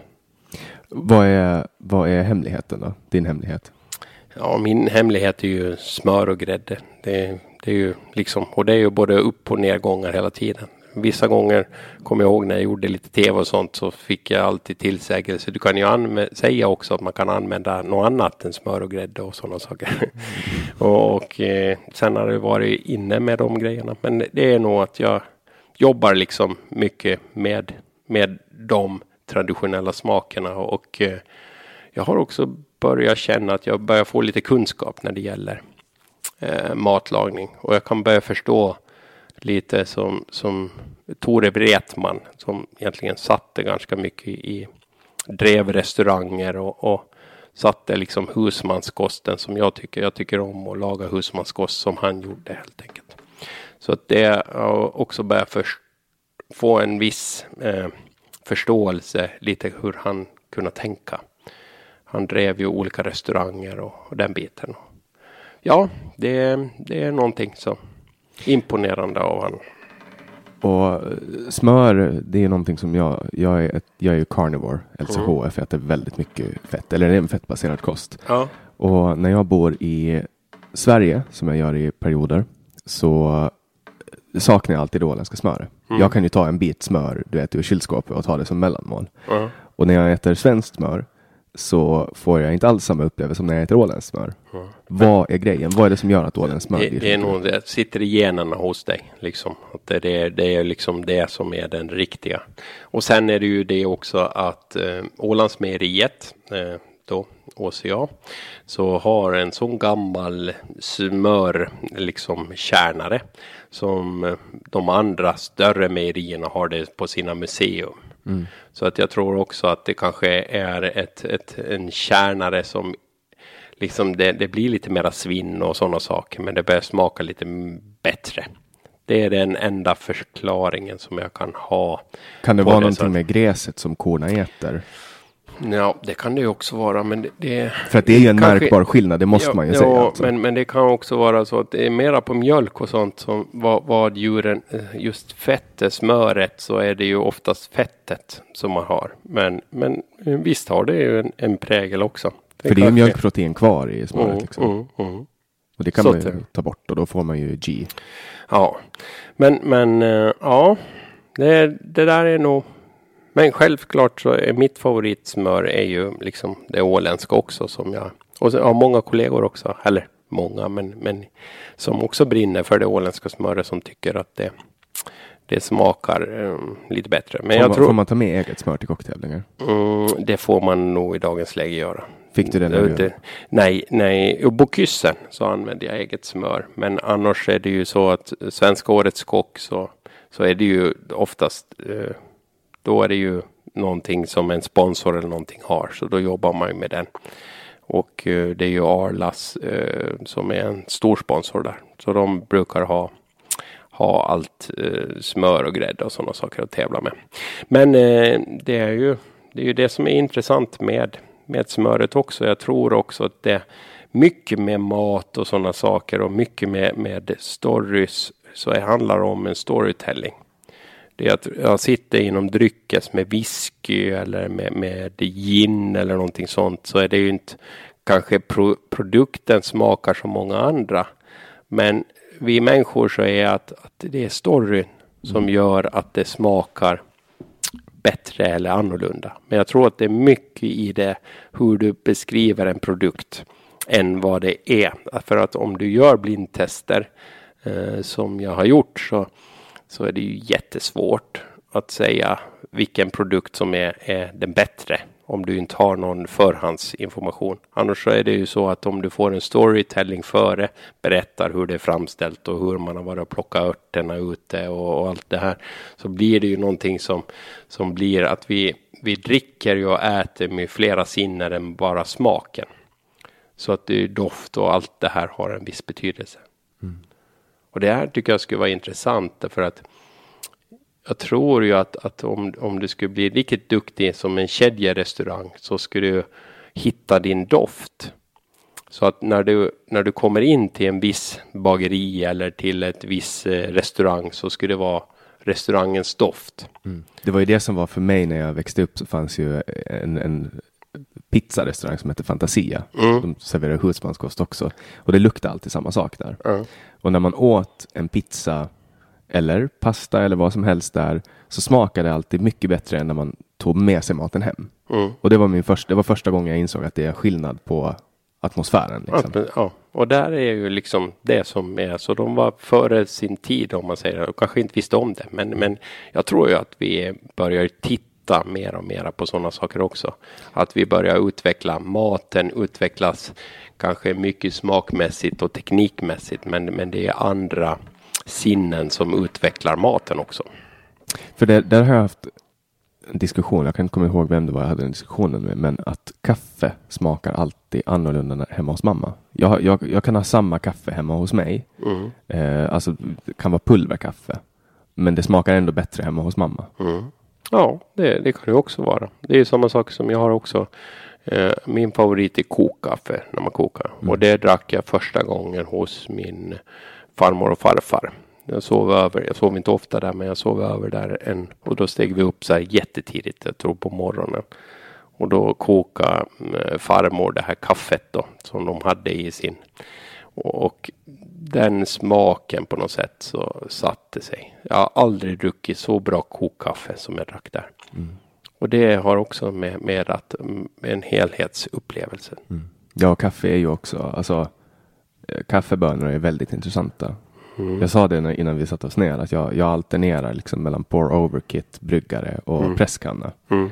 Eh, just för att få liksom variationen så man kan få olika upplevelser av, av, olika, av samma bön. Av alltså, samma här samband, absolut. Och där är ju det, det största missbruket. Jag har det ju, kaffe tyvärr har väl, jag är ingen finsmakare när det gäller kaffe. Utan jag är missbrukare.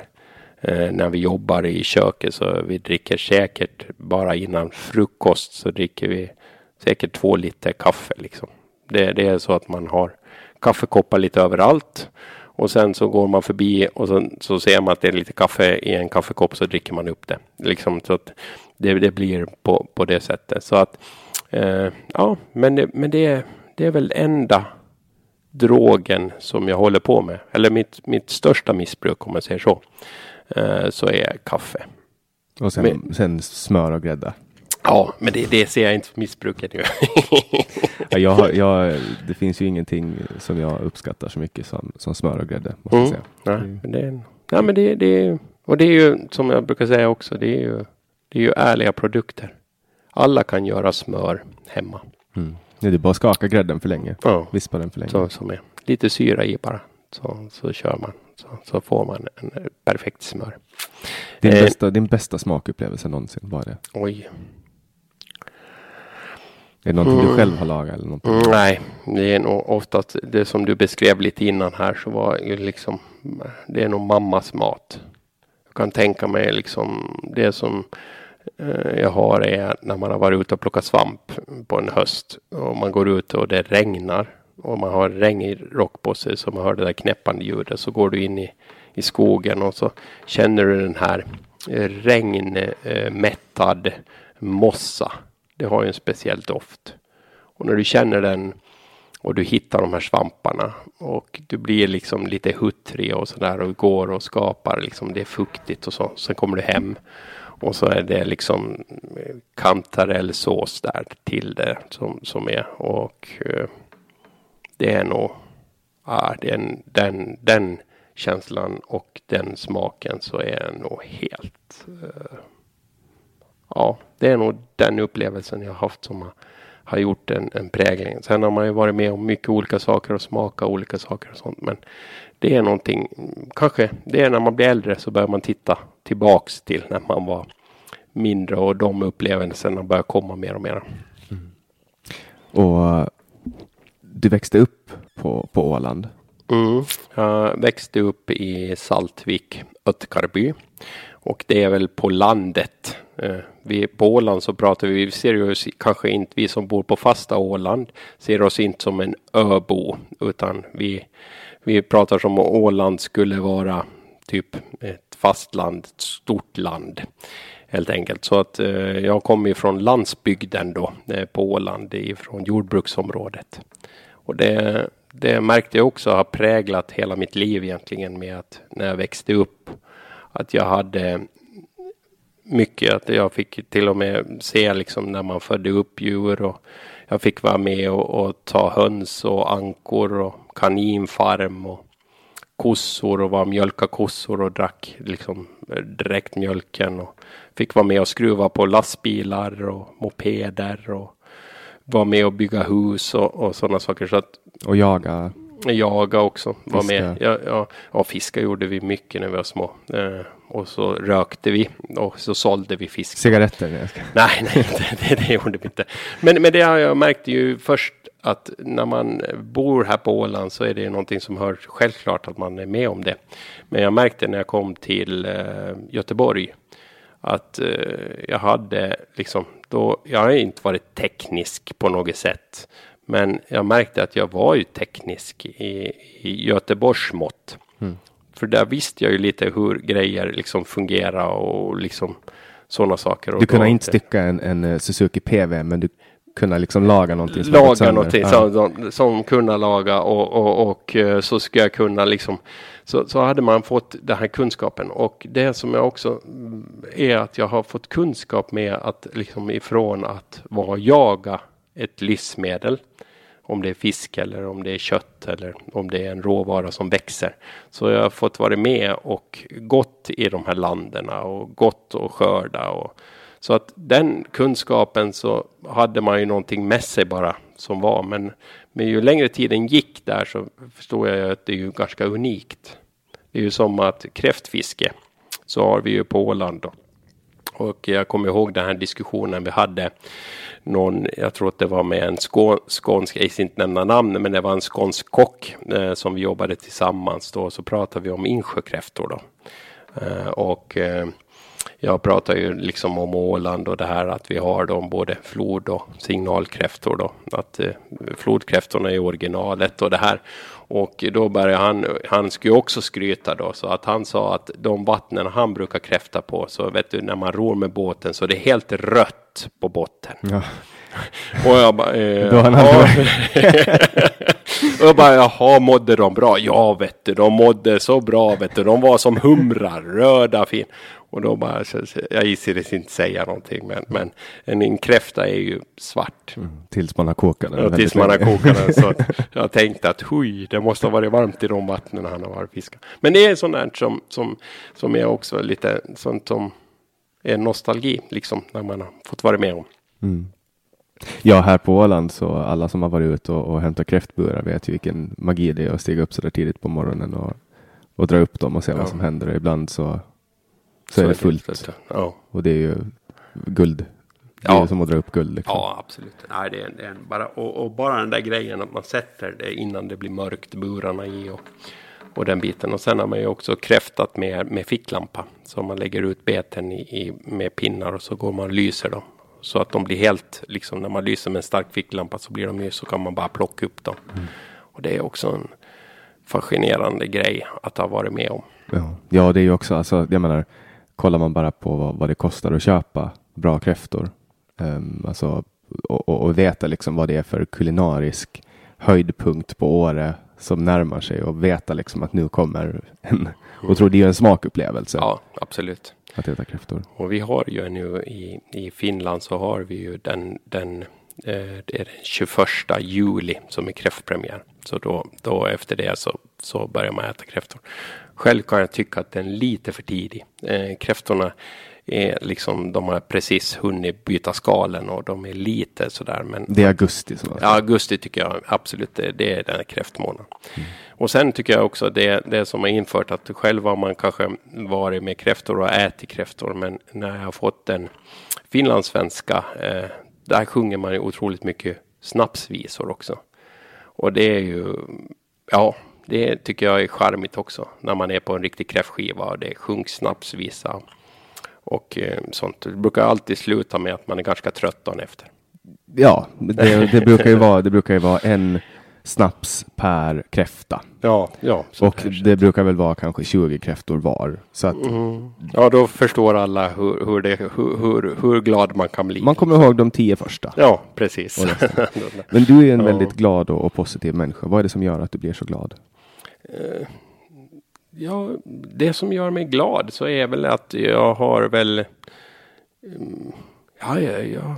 Jag har haft en bra uppväxt. Jag har haft en, en bra, liksom har fått växa upp på Åland. Eh, jag har haft bra kompisar. Jag har fått mycket hjälp. Eh, jag, jag ser, ser mycket positiva saker som har hänt mig, liksom som, som jag har fått vara med om. Och det har nog gjort mig som, som den person jag är. Och sen är väl det också att eh, det var väl en bra mix. Min mor då som är från fastlandet och min far som är här från Åland. Så att det var väl de rätta generna då som gjorde att jag blev eh, så här lugn som jag är. Och jag tror att det är kanske det också att jag har ju ett, ett otroligt tålamod. Och, och tålamod så kanske också gör att man kan hålla sig lugn. Och eh, det kan ju vara en fördel mellanåt att man kanske backar tillbaks än att man exploderar. Är du glad även genom motgångar? Eller det är klart att du inte är glad genom motgångar, men hur, hur klarar ja. du motgångar? Ja, motgångar så är ju, det var väl, det är ju så att jag har varit med om några riktiga stora motgångar och, och den biten, men, men eh, på något sätt så brukar jag se att det är alltid något positivt ändå som kommer emot en motgång. Eh, man kanske inte ser det från början, men eh, Eh, det brukar vara så eh, att det är något positivt som, som kommer med det. Och sen är det ju så att man, man jag tycker ju att när man har varit med om, om hemska saker och sådana saker så det är bättre att man, man tar det på plats liksom när man bryter ihop. Det, det värsta som, som ja, alla kan vara med om så är ju att jag hade en far som tog, tog sitt liv för ja, det blir fem år sedan.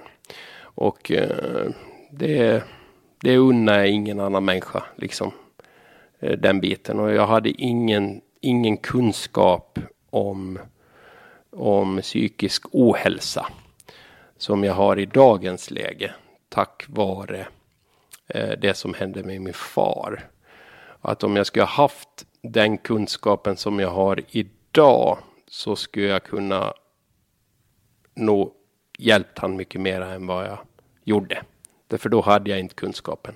Kom det helt som det, en, en, överraskning? Eh, det kom som en överraskning. Det var, ah, fy fan, det var, det är hemskt. Men, men, eh, ja, jag stod och stekte köttbullar tidigt på morgonen så ringde min mor.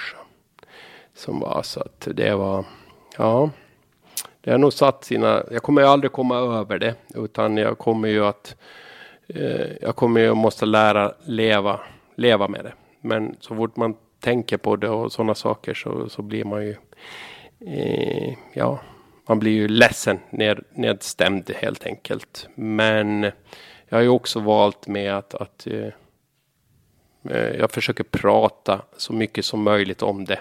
Och eh, för att om, om jag kanske kan hjälpa någon och förklara liksom att det här finns och att det inte är tabu, att det är mera vanligt än vad man kan tro. Eh, som, som är att, att så, så kanske det är någon som, som liksom tar, liksom, man kanske kan hjälpa någon människa med det. Så att jag, jag, jag pratar öppet om det. det liksom att jag har varit med om det här och, och eh, det är det är en hemsk, mm, hemsk sak när det är någon som är så nära en och sånt. Och jag kan se också hur snabbt det kan gå. Var det någon underliggande sjukdom som gjorde det? Uh, nej, det var egentligen så. Ja, man vet aldrig eh, liksom vad det var ursprungligen. Men, men jag tror att det har med det att han skulle bli pensionär. Och han sa att han skulle tycka att det skulle vara skönt att bli pensionär. Men innerst inne så tror jag inte han tyckte. Han kände att han behövdes inte mera. Liksom att han fick en, en dålig, dålig tanke. Och sen när du börjar tänka dåliga tankar så börjar du asfaltera en väg som inte är så positiv. Och den där eh, grejen är nog ganska viktig att man, man om man känner sig dålig eller har någonting motgångar att man ska kunna berätta det åt andra. För då finns det faktiskt möj möjlighet att någon kan prata med en. Men om man bara bär det inom sig och säger att allt är bra så, så kan det gå tokigt. Mm. Jag har ju också själv upplevt psykisk ohälsa. Jag är bipolär typ 1. Och, mm. och där har jag i bagaget också att jag har försökt ta livet av mig. 2014 så var jag nästan ett år inne på sjukhus efter, efter ett självmordsförsök. Och Mm. det var ju också en, en sån här grej som jag tror inte att någon i min omgivning blev riktigt förvånad över det, för jag mådde väldigt dåligt. Men, men just det här med att, att inte fråga om hjälp. Det, det tror jag att det är. Det, alltså, för folk i omgivningen hade väldigt svårt att förstå varför en människa försöker eller fattar ett sådant beslut. Mm. Varför vill man liksom? Och, och där får man ju helt enkelt jobba, tror jag, på att, att få bort den här stigmatiseringen. Mm. Det är det som är det värsta. Ja, det, det, det, ja. det, det är ju, det är ju så att det, du hade ju liksom, du kom igenom det och det, det är ju sånt som, som jag, jag tror precis på det, för du vet ju eh, hur, hur, hur det är att ha det där. Men ja, Det är som att leva i en annan, leva i en annan värld. Liksom. Ja. Och, och jag har förstått också att, att man nu i efterhand att, att det är nästan så att man börjar tänka så liksom att, att jo det är nog bäst. Att det, det är liksom det här gör det bäst för omgivningen om jag gör så här. Och det är ju också det är ju det är ju det som är tungt för jag tror att ingen ingen i ens omgivning skulle vilja att det skulle hända. Men det är ju det är ju konstigt att man kan få den tanken. Liksom. Sen var det ju en smärta också. Alltså en konstant smärta som inte gick att, att få bort. Det var och, det alltså. Och till sist alltså en psykisk press eller en smärta som inte går att liksom döva. Och, och sen när man har försökt döva den tillräckligt mycket så det är konstigt också att, att sitta så många år efter och, och liksom tänka tillbaks hur jag resonerade och hur jag tänkte. Men, Mm. men på något sätt så, så hoppas jag precis som du att om man pratar om det så, så kanske man hjälper någon. Mm. Mm. Och, och det är liksom just den här delen med att man att man ska ta det på allvar. Att man inte, alltså, för man vet ju aldrig vad en annan människa tänker. Och, och jag har ju hört om folk som har blivit men, räddade av att de har blivit förstådda.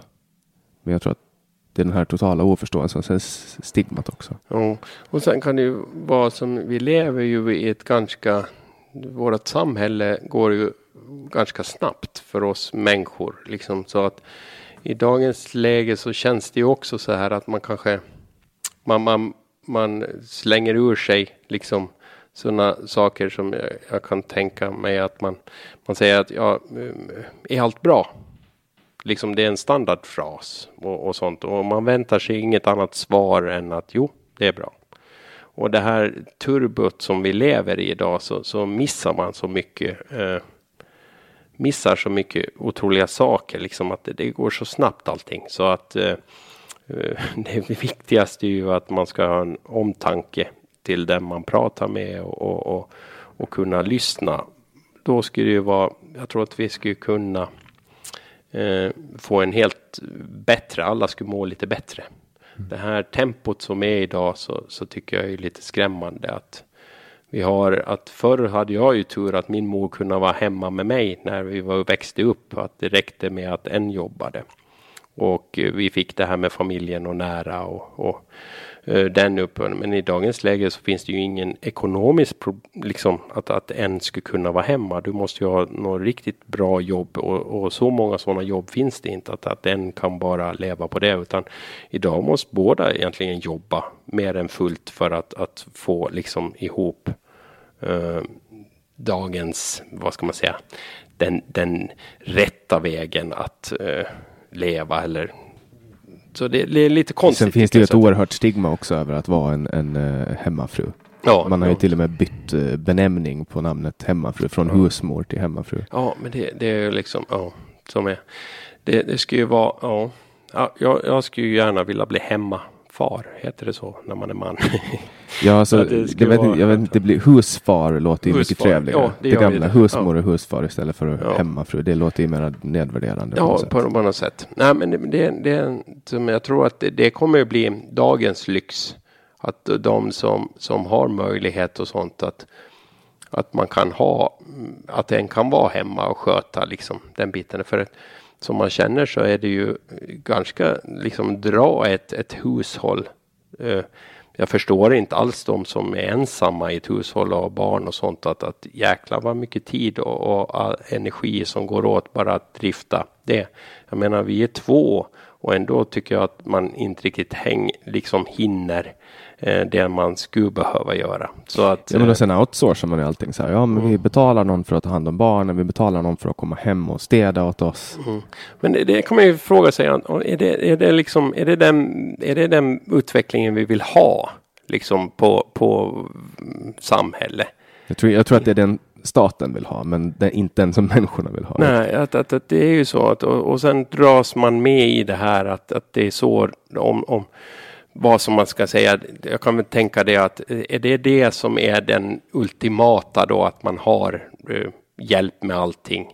Är det så som är den här standarden som man vill då har man lyckats när man kommer så? Eller är det det här liksom att man, man eh, lugnar ner sig med arbetet och, och får det här Eh, familjen och, och fungera och, och liksom den biten. Det, det är ju en diskussion som man kan ta och, och, vad man tycker då. Jag har ju själv varit uppe i karuseller som, som uh, man bara jobbar, jobbar, jobbar, jobbar så att man inte liksom uh, glömmer bort, eller inte glömmer bort, men, men man är inte hemma någonting. Man, jag har ju många år med mina barns uppväxt som jag inte har liksom varit hemma. Jag har bara sitt liksom på morgnarna när man sticker till jobb så tittar till dem när de sover. Och de sover när man kommer hem och man är ute och reser och sådana saker. Men eh, ja, inte, ja, jag, jag kan säga att det, det är kanske sådana saker som man ångrar sen när man blir äldre. Så att man har, har liksom lägga ner mera tid på på familjen. Men ja, det är så lätt att säga så också. Man vill göra det och man vill, men, men man dras med sen bara i tempo. Och för att sen den dagen när det är någonting som händer så spelar det ingen roll hur, hur duktig du har varit och arbeta eller hur duktig du har gjort, utan då är det ändå familjen som står en med en till sist. Ändå den dagen man ska tacka hej då så är det ju spelar det ingen roll vad man har hur mycket. Och då är det väl det att man skäms väl då kanske hur, många, hur mycket man har försakat sin familj helt enkelt. Men ja. Det, hur, har du själv eh, ledig av psykisk ohälsa? Eh, det har jag, det har jag gjort, jo.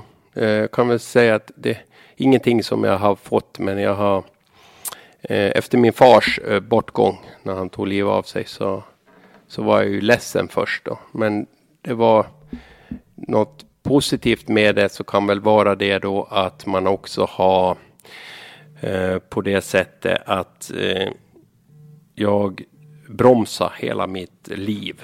Liksom jag, jag var hemma i nästan över ett år. Bara var hemma och skötte det här. Och jag tror att det var eh, en bra broms på det sättet. För då fick jag insyn och eh, då märkte jag också att jag mådde inte bra. Liksom, eh, helt personligen också. Det var inte bara sorg. Visst var det en sorg, men, men jag märkte ju att det var, var jobbigt. Och då märkte jag ju att jag hade ju jätteproblem sen när jag skulle börja återarbeta och komma igång. Att jag hade jättesvårt att uh, vara bland folk. Uh, jag hade svårt att kunna liksom mm, prata. Uh, stå och hålla liksom presentationer. Liksom så att jag, jag fick ju börja stegvis också. Och det var ju en sak som jag måste börja jobba upp för att få upp liksom den här känslan helt enkelt. Mm. Var det någon form av depression? Som du... Ja, det, det var jag inne då i, i där så. Och sen har man ju fått uh, arbeta liksom. Och det ju, ja, ja, och det, det var ju att man var inne i det. Och där får man ju säga att det, det var nog familjen som, som hjälpte en på rätt.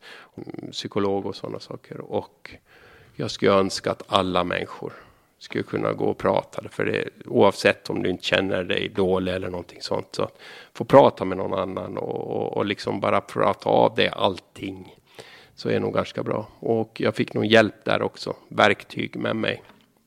Hur jag skulle tänka och lite den biten också. Som har nog hjälpt att jag har kommit tillbaks. Eh, men efter det här har jag också märkt att jag har ju jag har inte samma energi som jag hade då innan heller. Eh, Innan jag kom i den här lite utbrändheten, depressionen och sånt. För då kunde jag jobba i stort sett eh, 20 timmar utan att bara ta paus, bara stå och jobba, jobba, jobba. I dagens läge så kan jag eh, känna att när jag varit ute och haft en presentation eller någonting sånt så är jag helt slut. Då är man liksom Eh, och det kan röra sig om tre timmar. Så jag kan inte jobba mera som jag gjorde förr. För då blir jag och det jag känner igen så är det ju så att jag kanske tycker det med min omgivning så kan, märker ju det. Därför då är jag ju trött och sliten och argsint och blir liksom mm, i någon bubbla. Så att jag försöker och nu börjar jag lära känna, känna mig själv också. Att, att man behöver kanske titta mera på att om jag tänker hur många timmar jag har jobbat i mitt liv så här långt så, så har jag ja, jobba en, en timme. Så, så nu får jag ju börja kunna ta det lite lugnare och sånt också. Och känna mera att man, man, man kan leva också och uh, umgås med, med folk utan att vara argsint helt enkelt. Just det. Och nu har vi pratat i en timme och 40 minuter ungefär. Mm. Och vi har gått igenom, vi har gått igenom Robinson, vi har gått igenom kockyrket, vi har gått igenom lite psykisk ohälsa och saker som har hänt. Men jag kan tänka mig att det finns så mycket mera bakom Micke ja, Björklund. Ja. Vad, vad, finns, det, finns det någonting vi borde ta upp och prata om? Ja, det, det finns, jag, jag ju, eh, min, mitt liv har väl gått i olika perioder helt enkelt som jag har fått göra. Jag är så jäkla tacksam över att jag har fått göra mycket saker. Men jag har den inställningen också att jag vill pröva saker. Eh, och eh, jag vill inte eh, ha en idé eller sådär och så fundera. Och sen efter en fyra, fem år så, så börjar jag fundera tillbaka. Så varför gjorde jag inte så? Varför gjorde jag inte? Utan jag kör mera på det att jag försöker göra så gott man kan och sen kan man, vet man när man gör det om det var en bra idé eller en dålig idé helt enkelt. Så att det, det är väl nog det som jag lever lite efter. Och sen gillar jag, jag är väl nog ADHD också. Något bokstav som jag har ingen sån utsatt. Men eh, jag märker ju också att jag hela tiden ska, det ska hända saker. Eh, att att eh, man måste liksom göra olika saker och det har varit olika nivåer i, i ens liv liksom. Och det som nu, det nyaste är ju Robinson och det är också en del i det hela. Att varför, man kan ju pröva och se. Så nu kommer du att få ta hem en Robinson-statyett? Ja, nu, nu får jag ta hem en sån. sånt. Mm. Och det, den är, är det som, som de såg ut när jag var liten? Att de är... Som en tre, det är en, som en tre och så är de utsmyckade med ja. lite alla. Och, det är ju det, och, och den, den, eh, den statyetten är ju en, det finaste man kan. Därför att det är ju den som är med från starten i Robinson. Som alla ens lagkompisar och sånt har vunnit i vissa veckor som har haft den och vissa andra laget har haft och sånt. Så att det är ju en unik pris egentligen som, som är. Och sen är det en som får ta hem den. Och det är, det är jag den här gången. Jag vann Robinson. Har du, har du ett pokalskåp? eh, ja, egentligen så skulle man väl ha det men eh, eh, nej det har jag inte. Men du har pokaler? Eh, jo, jag har det men, men ja, jag kommer ihåg jag vet inte om jag vågar avslöja det, men jag har vunnit Årets kock i Finland och, och, i Sverige så får man ju medaljer och sånt. Men eh, jag tror till och med att barnen lekte med dem när, när, när de hade det som lite skatt eller någonting sånt som de har. Så de har väl dem ännu kvar tror jag.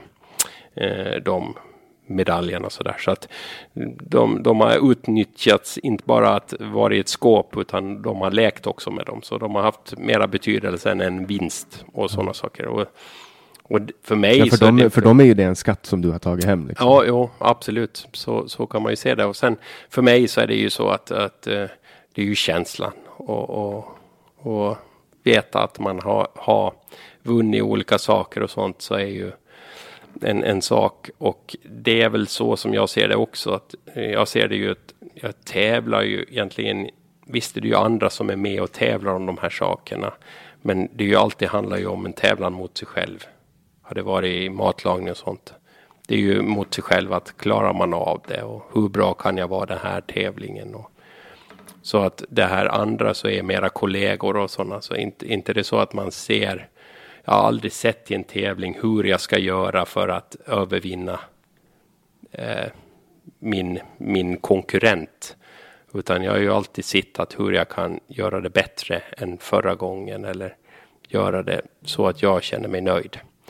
Och det kan jag ju säga att efter eh, matlagningstävlingar och sånt så är det ju det är ju den här känslan som man vill komma åt. Eh, Där man har presterat allt och det känns förbaskat bra. Man har gjort så bra man bara kan. De timmen som du har just när du har levererat och sånt. Du lever i sådana moln. Det är, jag kan tänka mig de som håller på med droger och sånt. Att det är den känslan man har. Det, är ett, det blir en sån jäkla känsla. Och den har blivit lite sådär att det är kanske med tävlingar och sånt så det är den man strävar efter. Mm. Att få den. Därför den får jag bara efter man har presterat riktigt, eh, riktigt mycket. Mm. Vad har du för planer nu? Vad kommer att hända nu? Eh, nu ska jag ju eh, försöka komma igång med, med alla de här mm, eh, ja, restaurangerna efter corona. Och sen så har jag ju visioner som jag jobbar emot. Jag skulle vilja bygga ett hotell här på Åland. Och jag skulle vilja bygga ett musikhus här på Åland. Och jag skulle vilja bygga en, en, ett nordiskt hus eh, med ha Nordens och sen skulle jag vilja bygga ett fredshus när vi ligger så bra på Åland. Så det, det trappas upp så där som, som drömmar som jag har och visioner som, som jag jobbar åt liksom hela tiden som jag har. Och sen alltså så kanske någon utmaning till dyker upp som det. Så jag hoppas att man kanske får någon spännande utmaning att, att um, ta del i. Mm. Som som man får göra. Och sen är det ju liksom att ja, försöka liksom så, så, så gott man kan också ta tillvara den tid man har också. Att ta till, tillvara eh, liksom det här också med att man kan vara hemma och bara bara bastu. Så ska jag försöka bli duktigare på också. Och, och, och vara också så att man kan säga nej. Det är väl ett problem som jag haft också. Att oftast kanske jag säger ja fast jag har häcken full. Så det är någonting jag ska försöka bli lite mera egoistisk. Kan mm. man säga så? Absolut. Ja, det är inget så, fel med att vara, se till sig själv liksom, och sin nej, familj. Ja, tycker jag i alla fall. Ja, men det, det, är väl det som man ska lite titta Man kan ju också säga mindre altruistisk. Alltså att man, man gör mindre saker. Man offrar sig själv mindre för andra. För andra, ja. ja det är lite så kanske. Men, men sen är jag ju en jag tycker ju om också när det händer saker så att det, det man slits liksom. Man pratar om två olika saker men, men det är ju det är att hitta liksom linjen. Mm. Och för de som vill eh, besöka din restaurang här på Åland så kan vi ju säga att den har ju utsikt över ett gammalt slott som, mm. som Gustav Vasa en gång i tiden härjade. Ja, här, han tog väl det? Ja, ja det var så. Och där satt Erik den fjortonde fängslad. Mm. Och, och din, din restaurang har liksom utsikt över det här slotts och det området, ja. ja. Nej, det, det, det, har det. Och sen så är, ligger det ju liksom, det ligger ju i den kulturella vaggan på Åland. Det är ju, vi ligger ju i i, i Kasterholm och Bomarsund ligger ju där också. Så det, det, det är roligt också. Så har man vägarna förbi Åland eller kanske Det får vi färgen. hoppas att alla, alla, alla har vägarna förbi Åland. Ja, men att man stiger av, kliver av och kanske åker och äter. Kommer du att sätta upp mm. någonting på menyn nu? På någon special? Eh, det, det, kommer vi göra, absolut. Kan du avslöja eh, lite? Eh, ja, vi, vi håller på att titta på, håller på att experimentera med kassava, eh, jamsen och lite kokosnötter håller jag på med. För jag skulle vilja lära eh, kanske ja, både unga och gamla hur man öppnar kokosnötter. Mm. Därför är det där jag märkt att det är få som verkligen vet det. För när vi köper kokosnötter så köper vi oftast nöten. Mm. Men det är, ju, det är ju ett jättearbete att ta sig in till den nöten. Mm. Så att det skulle vara lite roligt att, att, göra. Och sen hitta på några rätter med, med den biten då. Som är och sen ja, bjuda och att folk får smaka och kanske en berättelse också om, om, om de, de sakerna. Och det är ju samma sak där som jag pratade om lite innan här. Ju med, med storytellingen så gör det ju också att en rätt kan ju ha en helt annan betydelse efter man har fått en story. Tror du man kommer att få se statyetten där på smakbilden? Den kommer man nog absolut. Att om inte barnen leker med den. Ja. Nej, jag skojar. Nej, men absolut. Den, den är nog så värdefull för mig den. Så att den, den ska vi se om vi kan ha där också. Mm. Och din, din gröna eh, t-skjorta som du hade på mm. dig. Var kommer, du, var kommer den att hänga? Kommer den, att hänga den, den, den, kommer att vara, eh, jag har faktiskt gjort så att jag plockar med mig lite grejer ifrån eh, Robinson. Och eh, alla kläder och allting kommer jag ha. Eh, det finns lite stories om allting. Och eh, det är ju så, jag har inte tvättat dem. Sen jag kom hem. Så, Så så, kan få du kan ju tänka dig kalsongerna va? Herrejävlar. Ja. Som är, och den gröna skjortan är ju, ja den är ju grön nu men, men den har blivit lite blekare. Var har du köpt den någonstans? Eh, jag köpte den här på torget. Finns det, Eh. finns det sådana att få tag på? Jo, jo, jo, det är nå, nå, nu borde jag ju veta allting där. En gammal kompis, eller en gammal kompis, en kompis som, som säljer de här grejerna. Som, som har också hoodien med Ålands, Ålandstrycket på och den här gröna. Så den finns nog, den brukar vara på torget och sen tror jag att den finns på nätet och sådana saker. För då, då skulle jag vilja göra en, en rolig grej. ehm, för jag har ju, den här podden är ju helt, eh, den är helt gratis för alla som lyssnar. Men det Mm. finns de som stödjer den genom Patreon. Eh, och jag har gjort det en gång innan, att jag har lottat ut någonting. Och det jag tänkte fråga dig är att om vi fixar en sån grön t-skjorta, Åland t-skjorta, i Mm. den storlek som du hade med dig till Ja. Robinson och du signerar den. Ja, Eh, Så alla nya Patreons som före, ja, ska vi ta ett datum, 15 juni, Mm. eh, går in och blir Patreons den här podden, är med i utlottningen om en sån. ja men absolut. Det, det, det, går, det går jättebra. Nej, det ska ju gå att fixa. Jag, jag har redan sett det här på Åland. Jag har sett två personer som har gått runt med en sån här knallgrön eh, Ålands. Så att de finns nog att få tag i. Ja, ja, vi får hoppas på att det blir Ta, ta, ta. nya modet också. Ja, jag tänker att vi också då kan infoga länken till alla som vill ha den här gröna eh, Micke t-skjortan som Ja. den. Så om man vill eh, känna sig lite som en Robinson hade. Ja, och sen får vi hoppas på att det blir mode. Det är en fin tröja, det är en jättefin Ja, färg och det den är här burren är väldigt bra.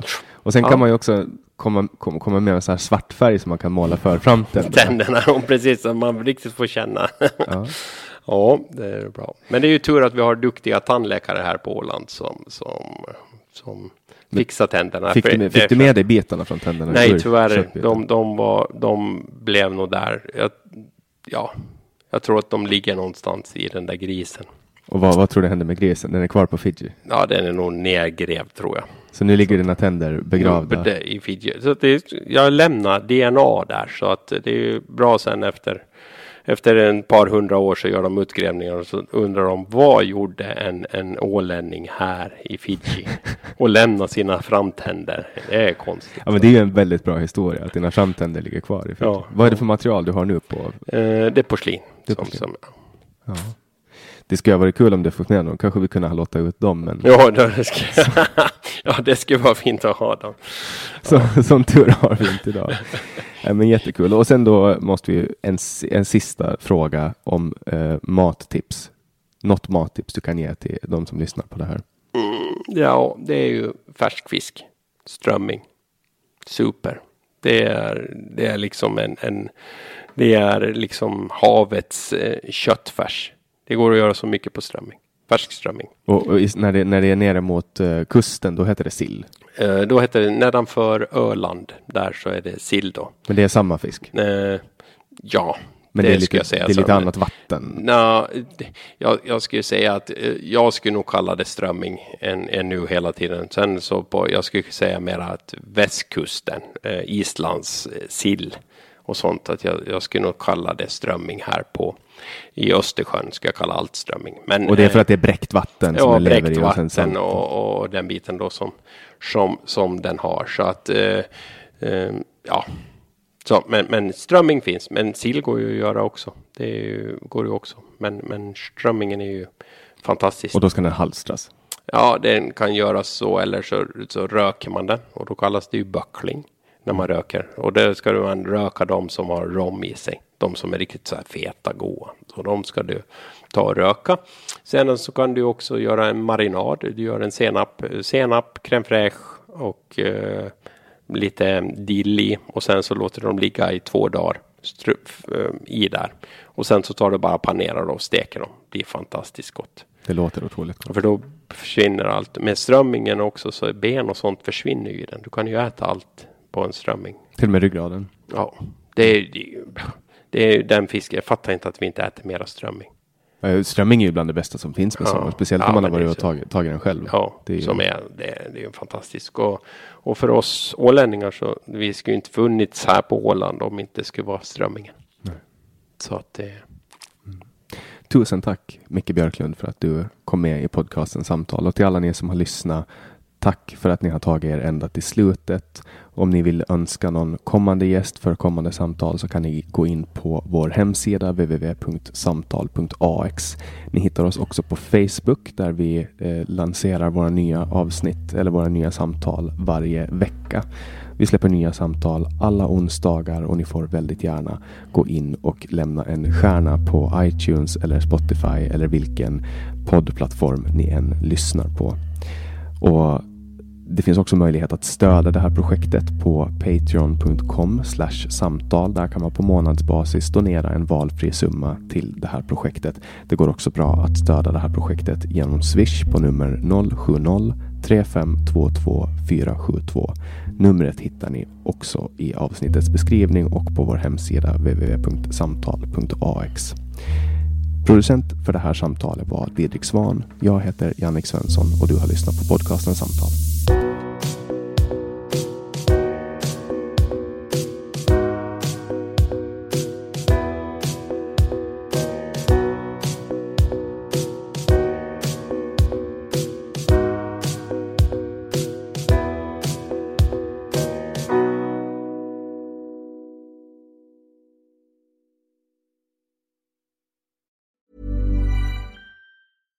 Hey, it's Paige DeSorbo from Giggly Squad. High quality fashion without the price tag. Say hello to Quince.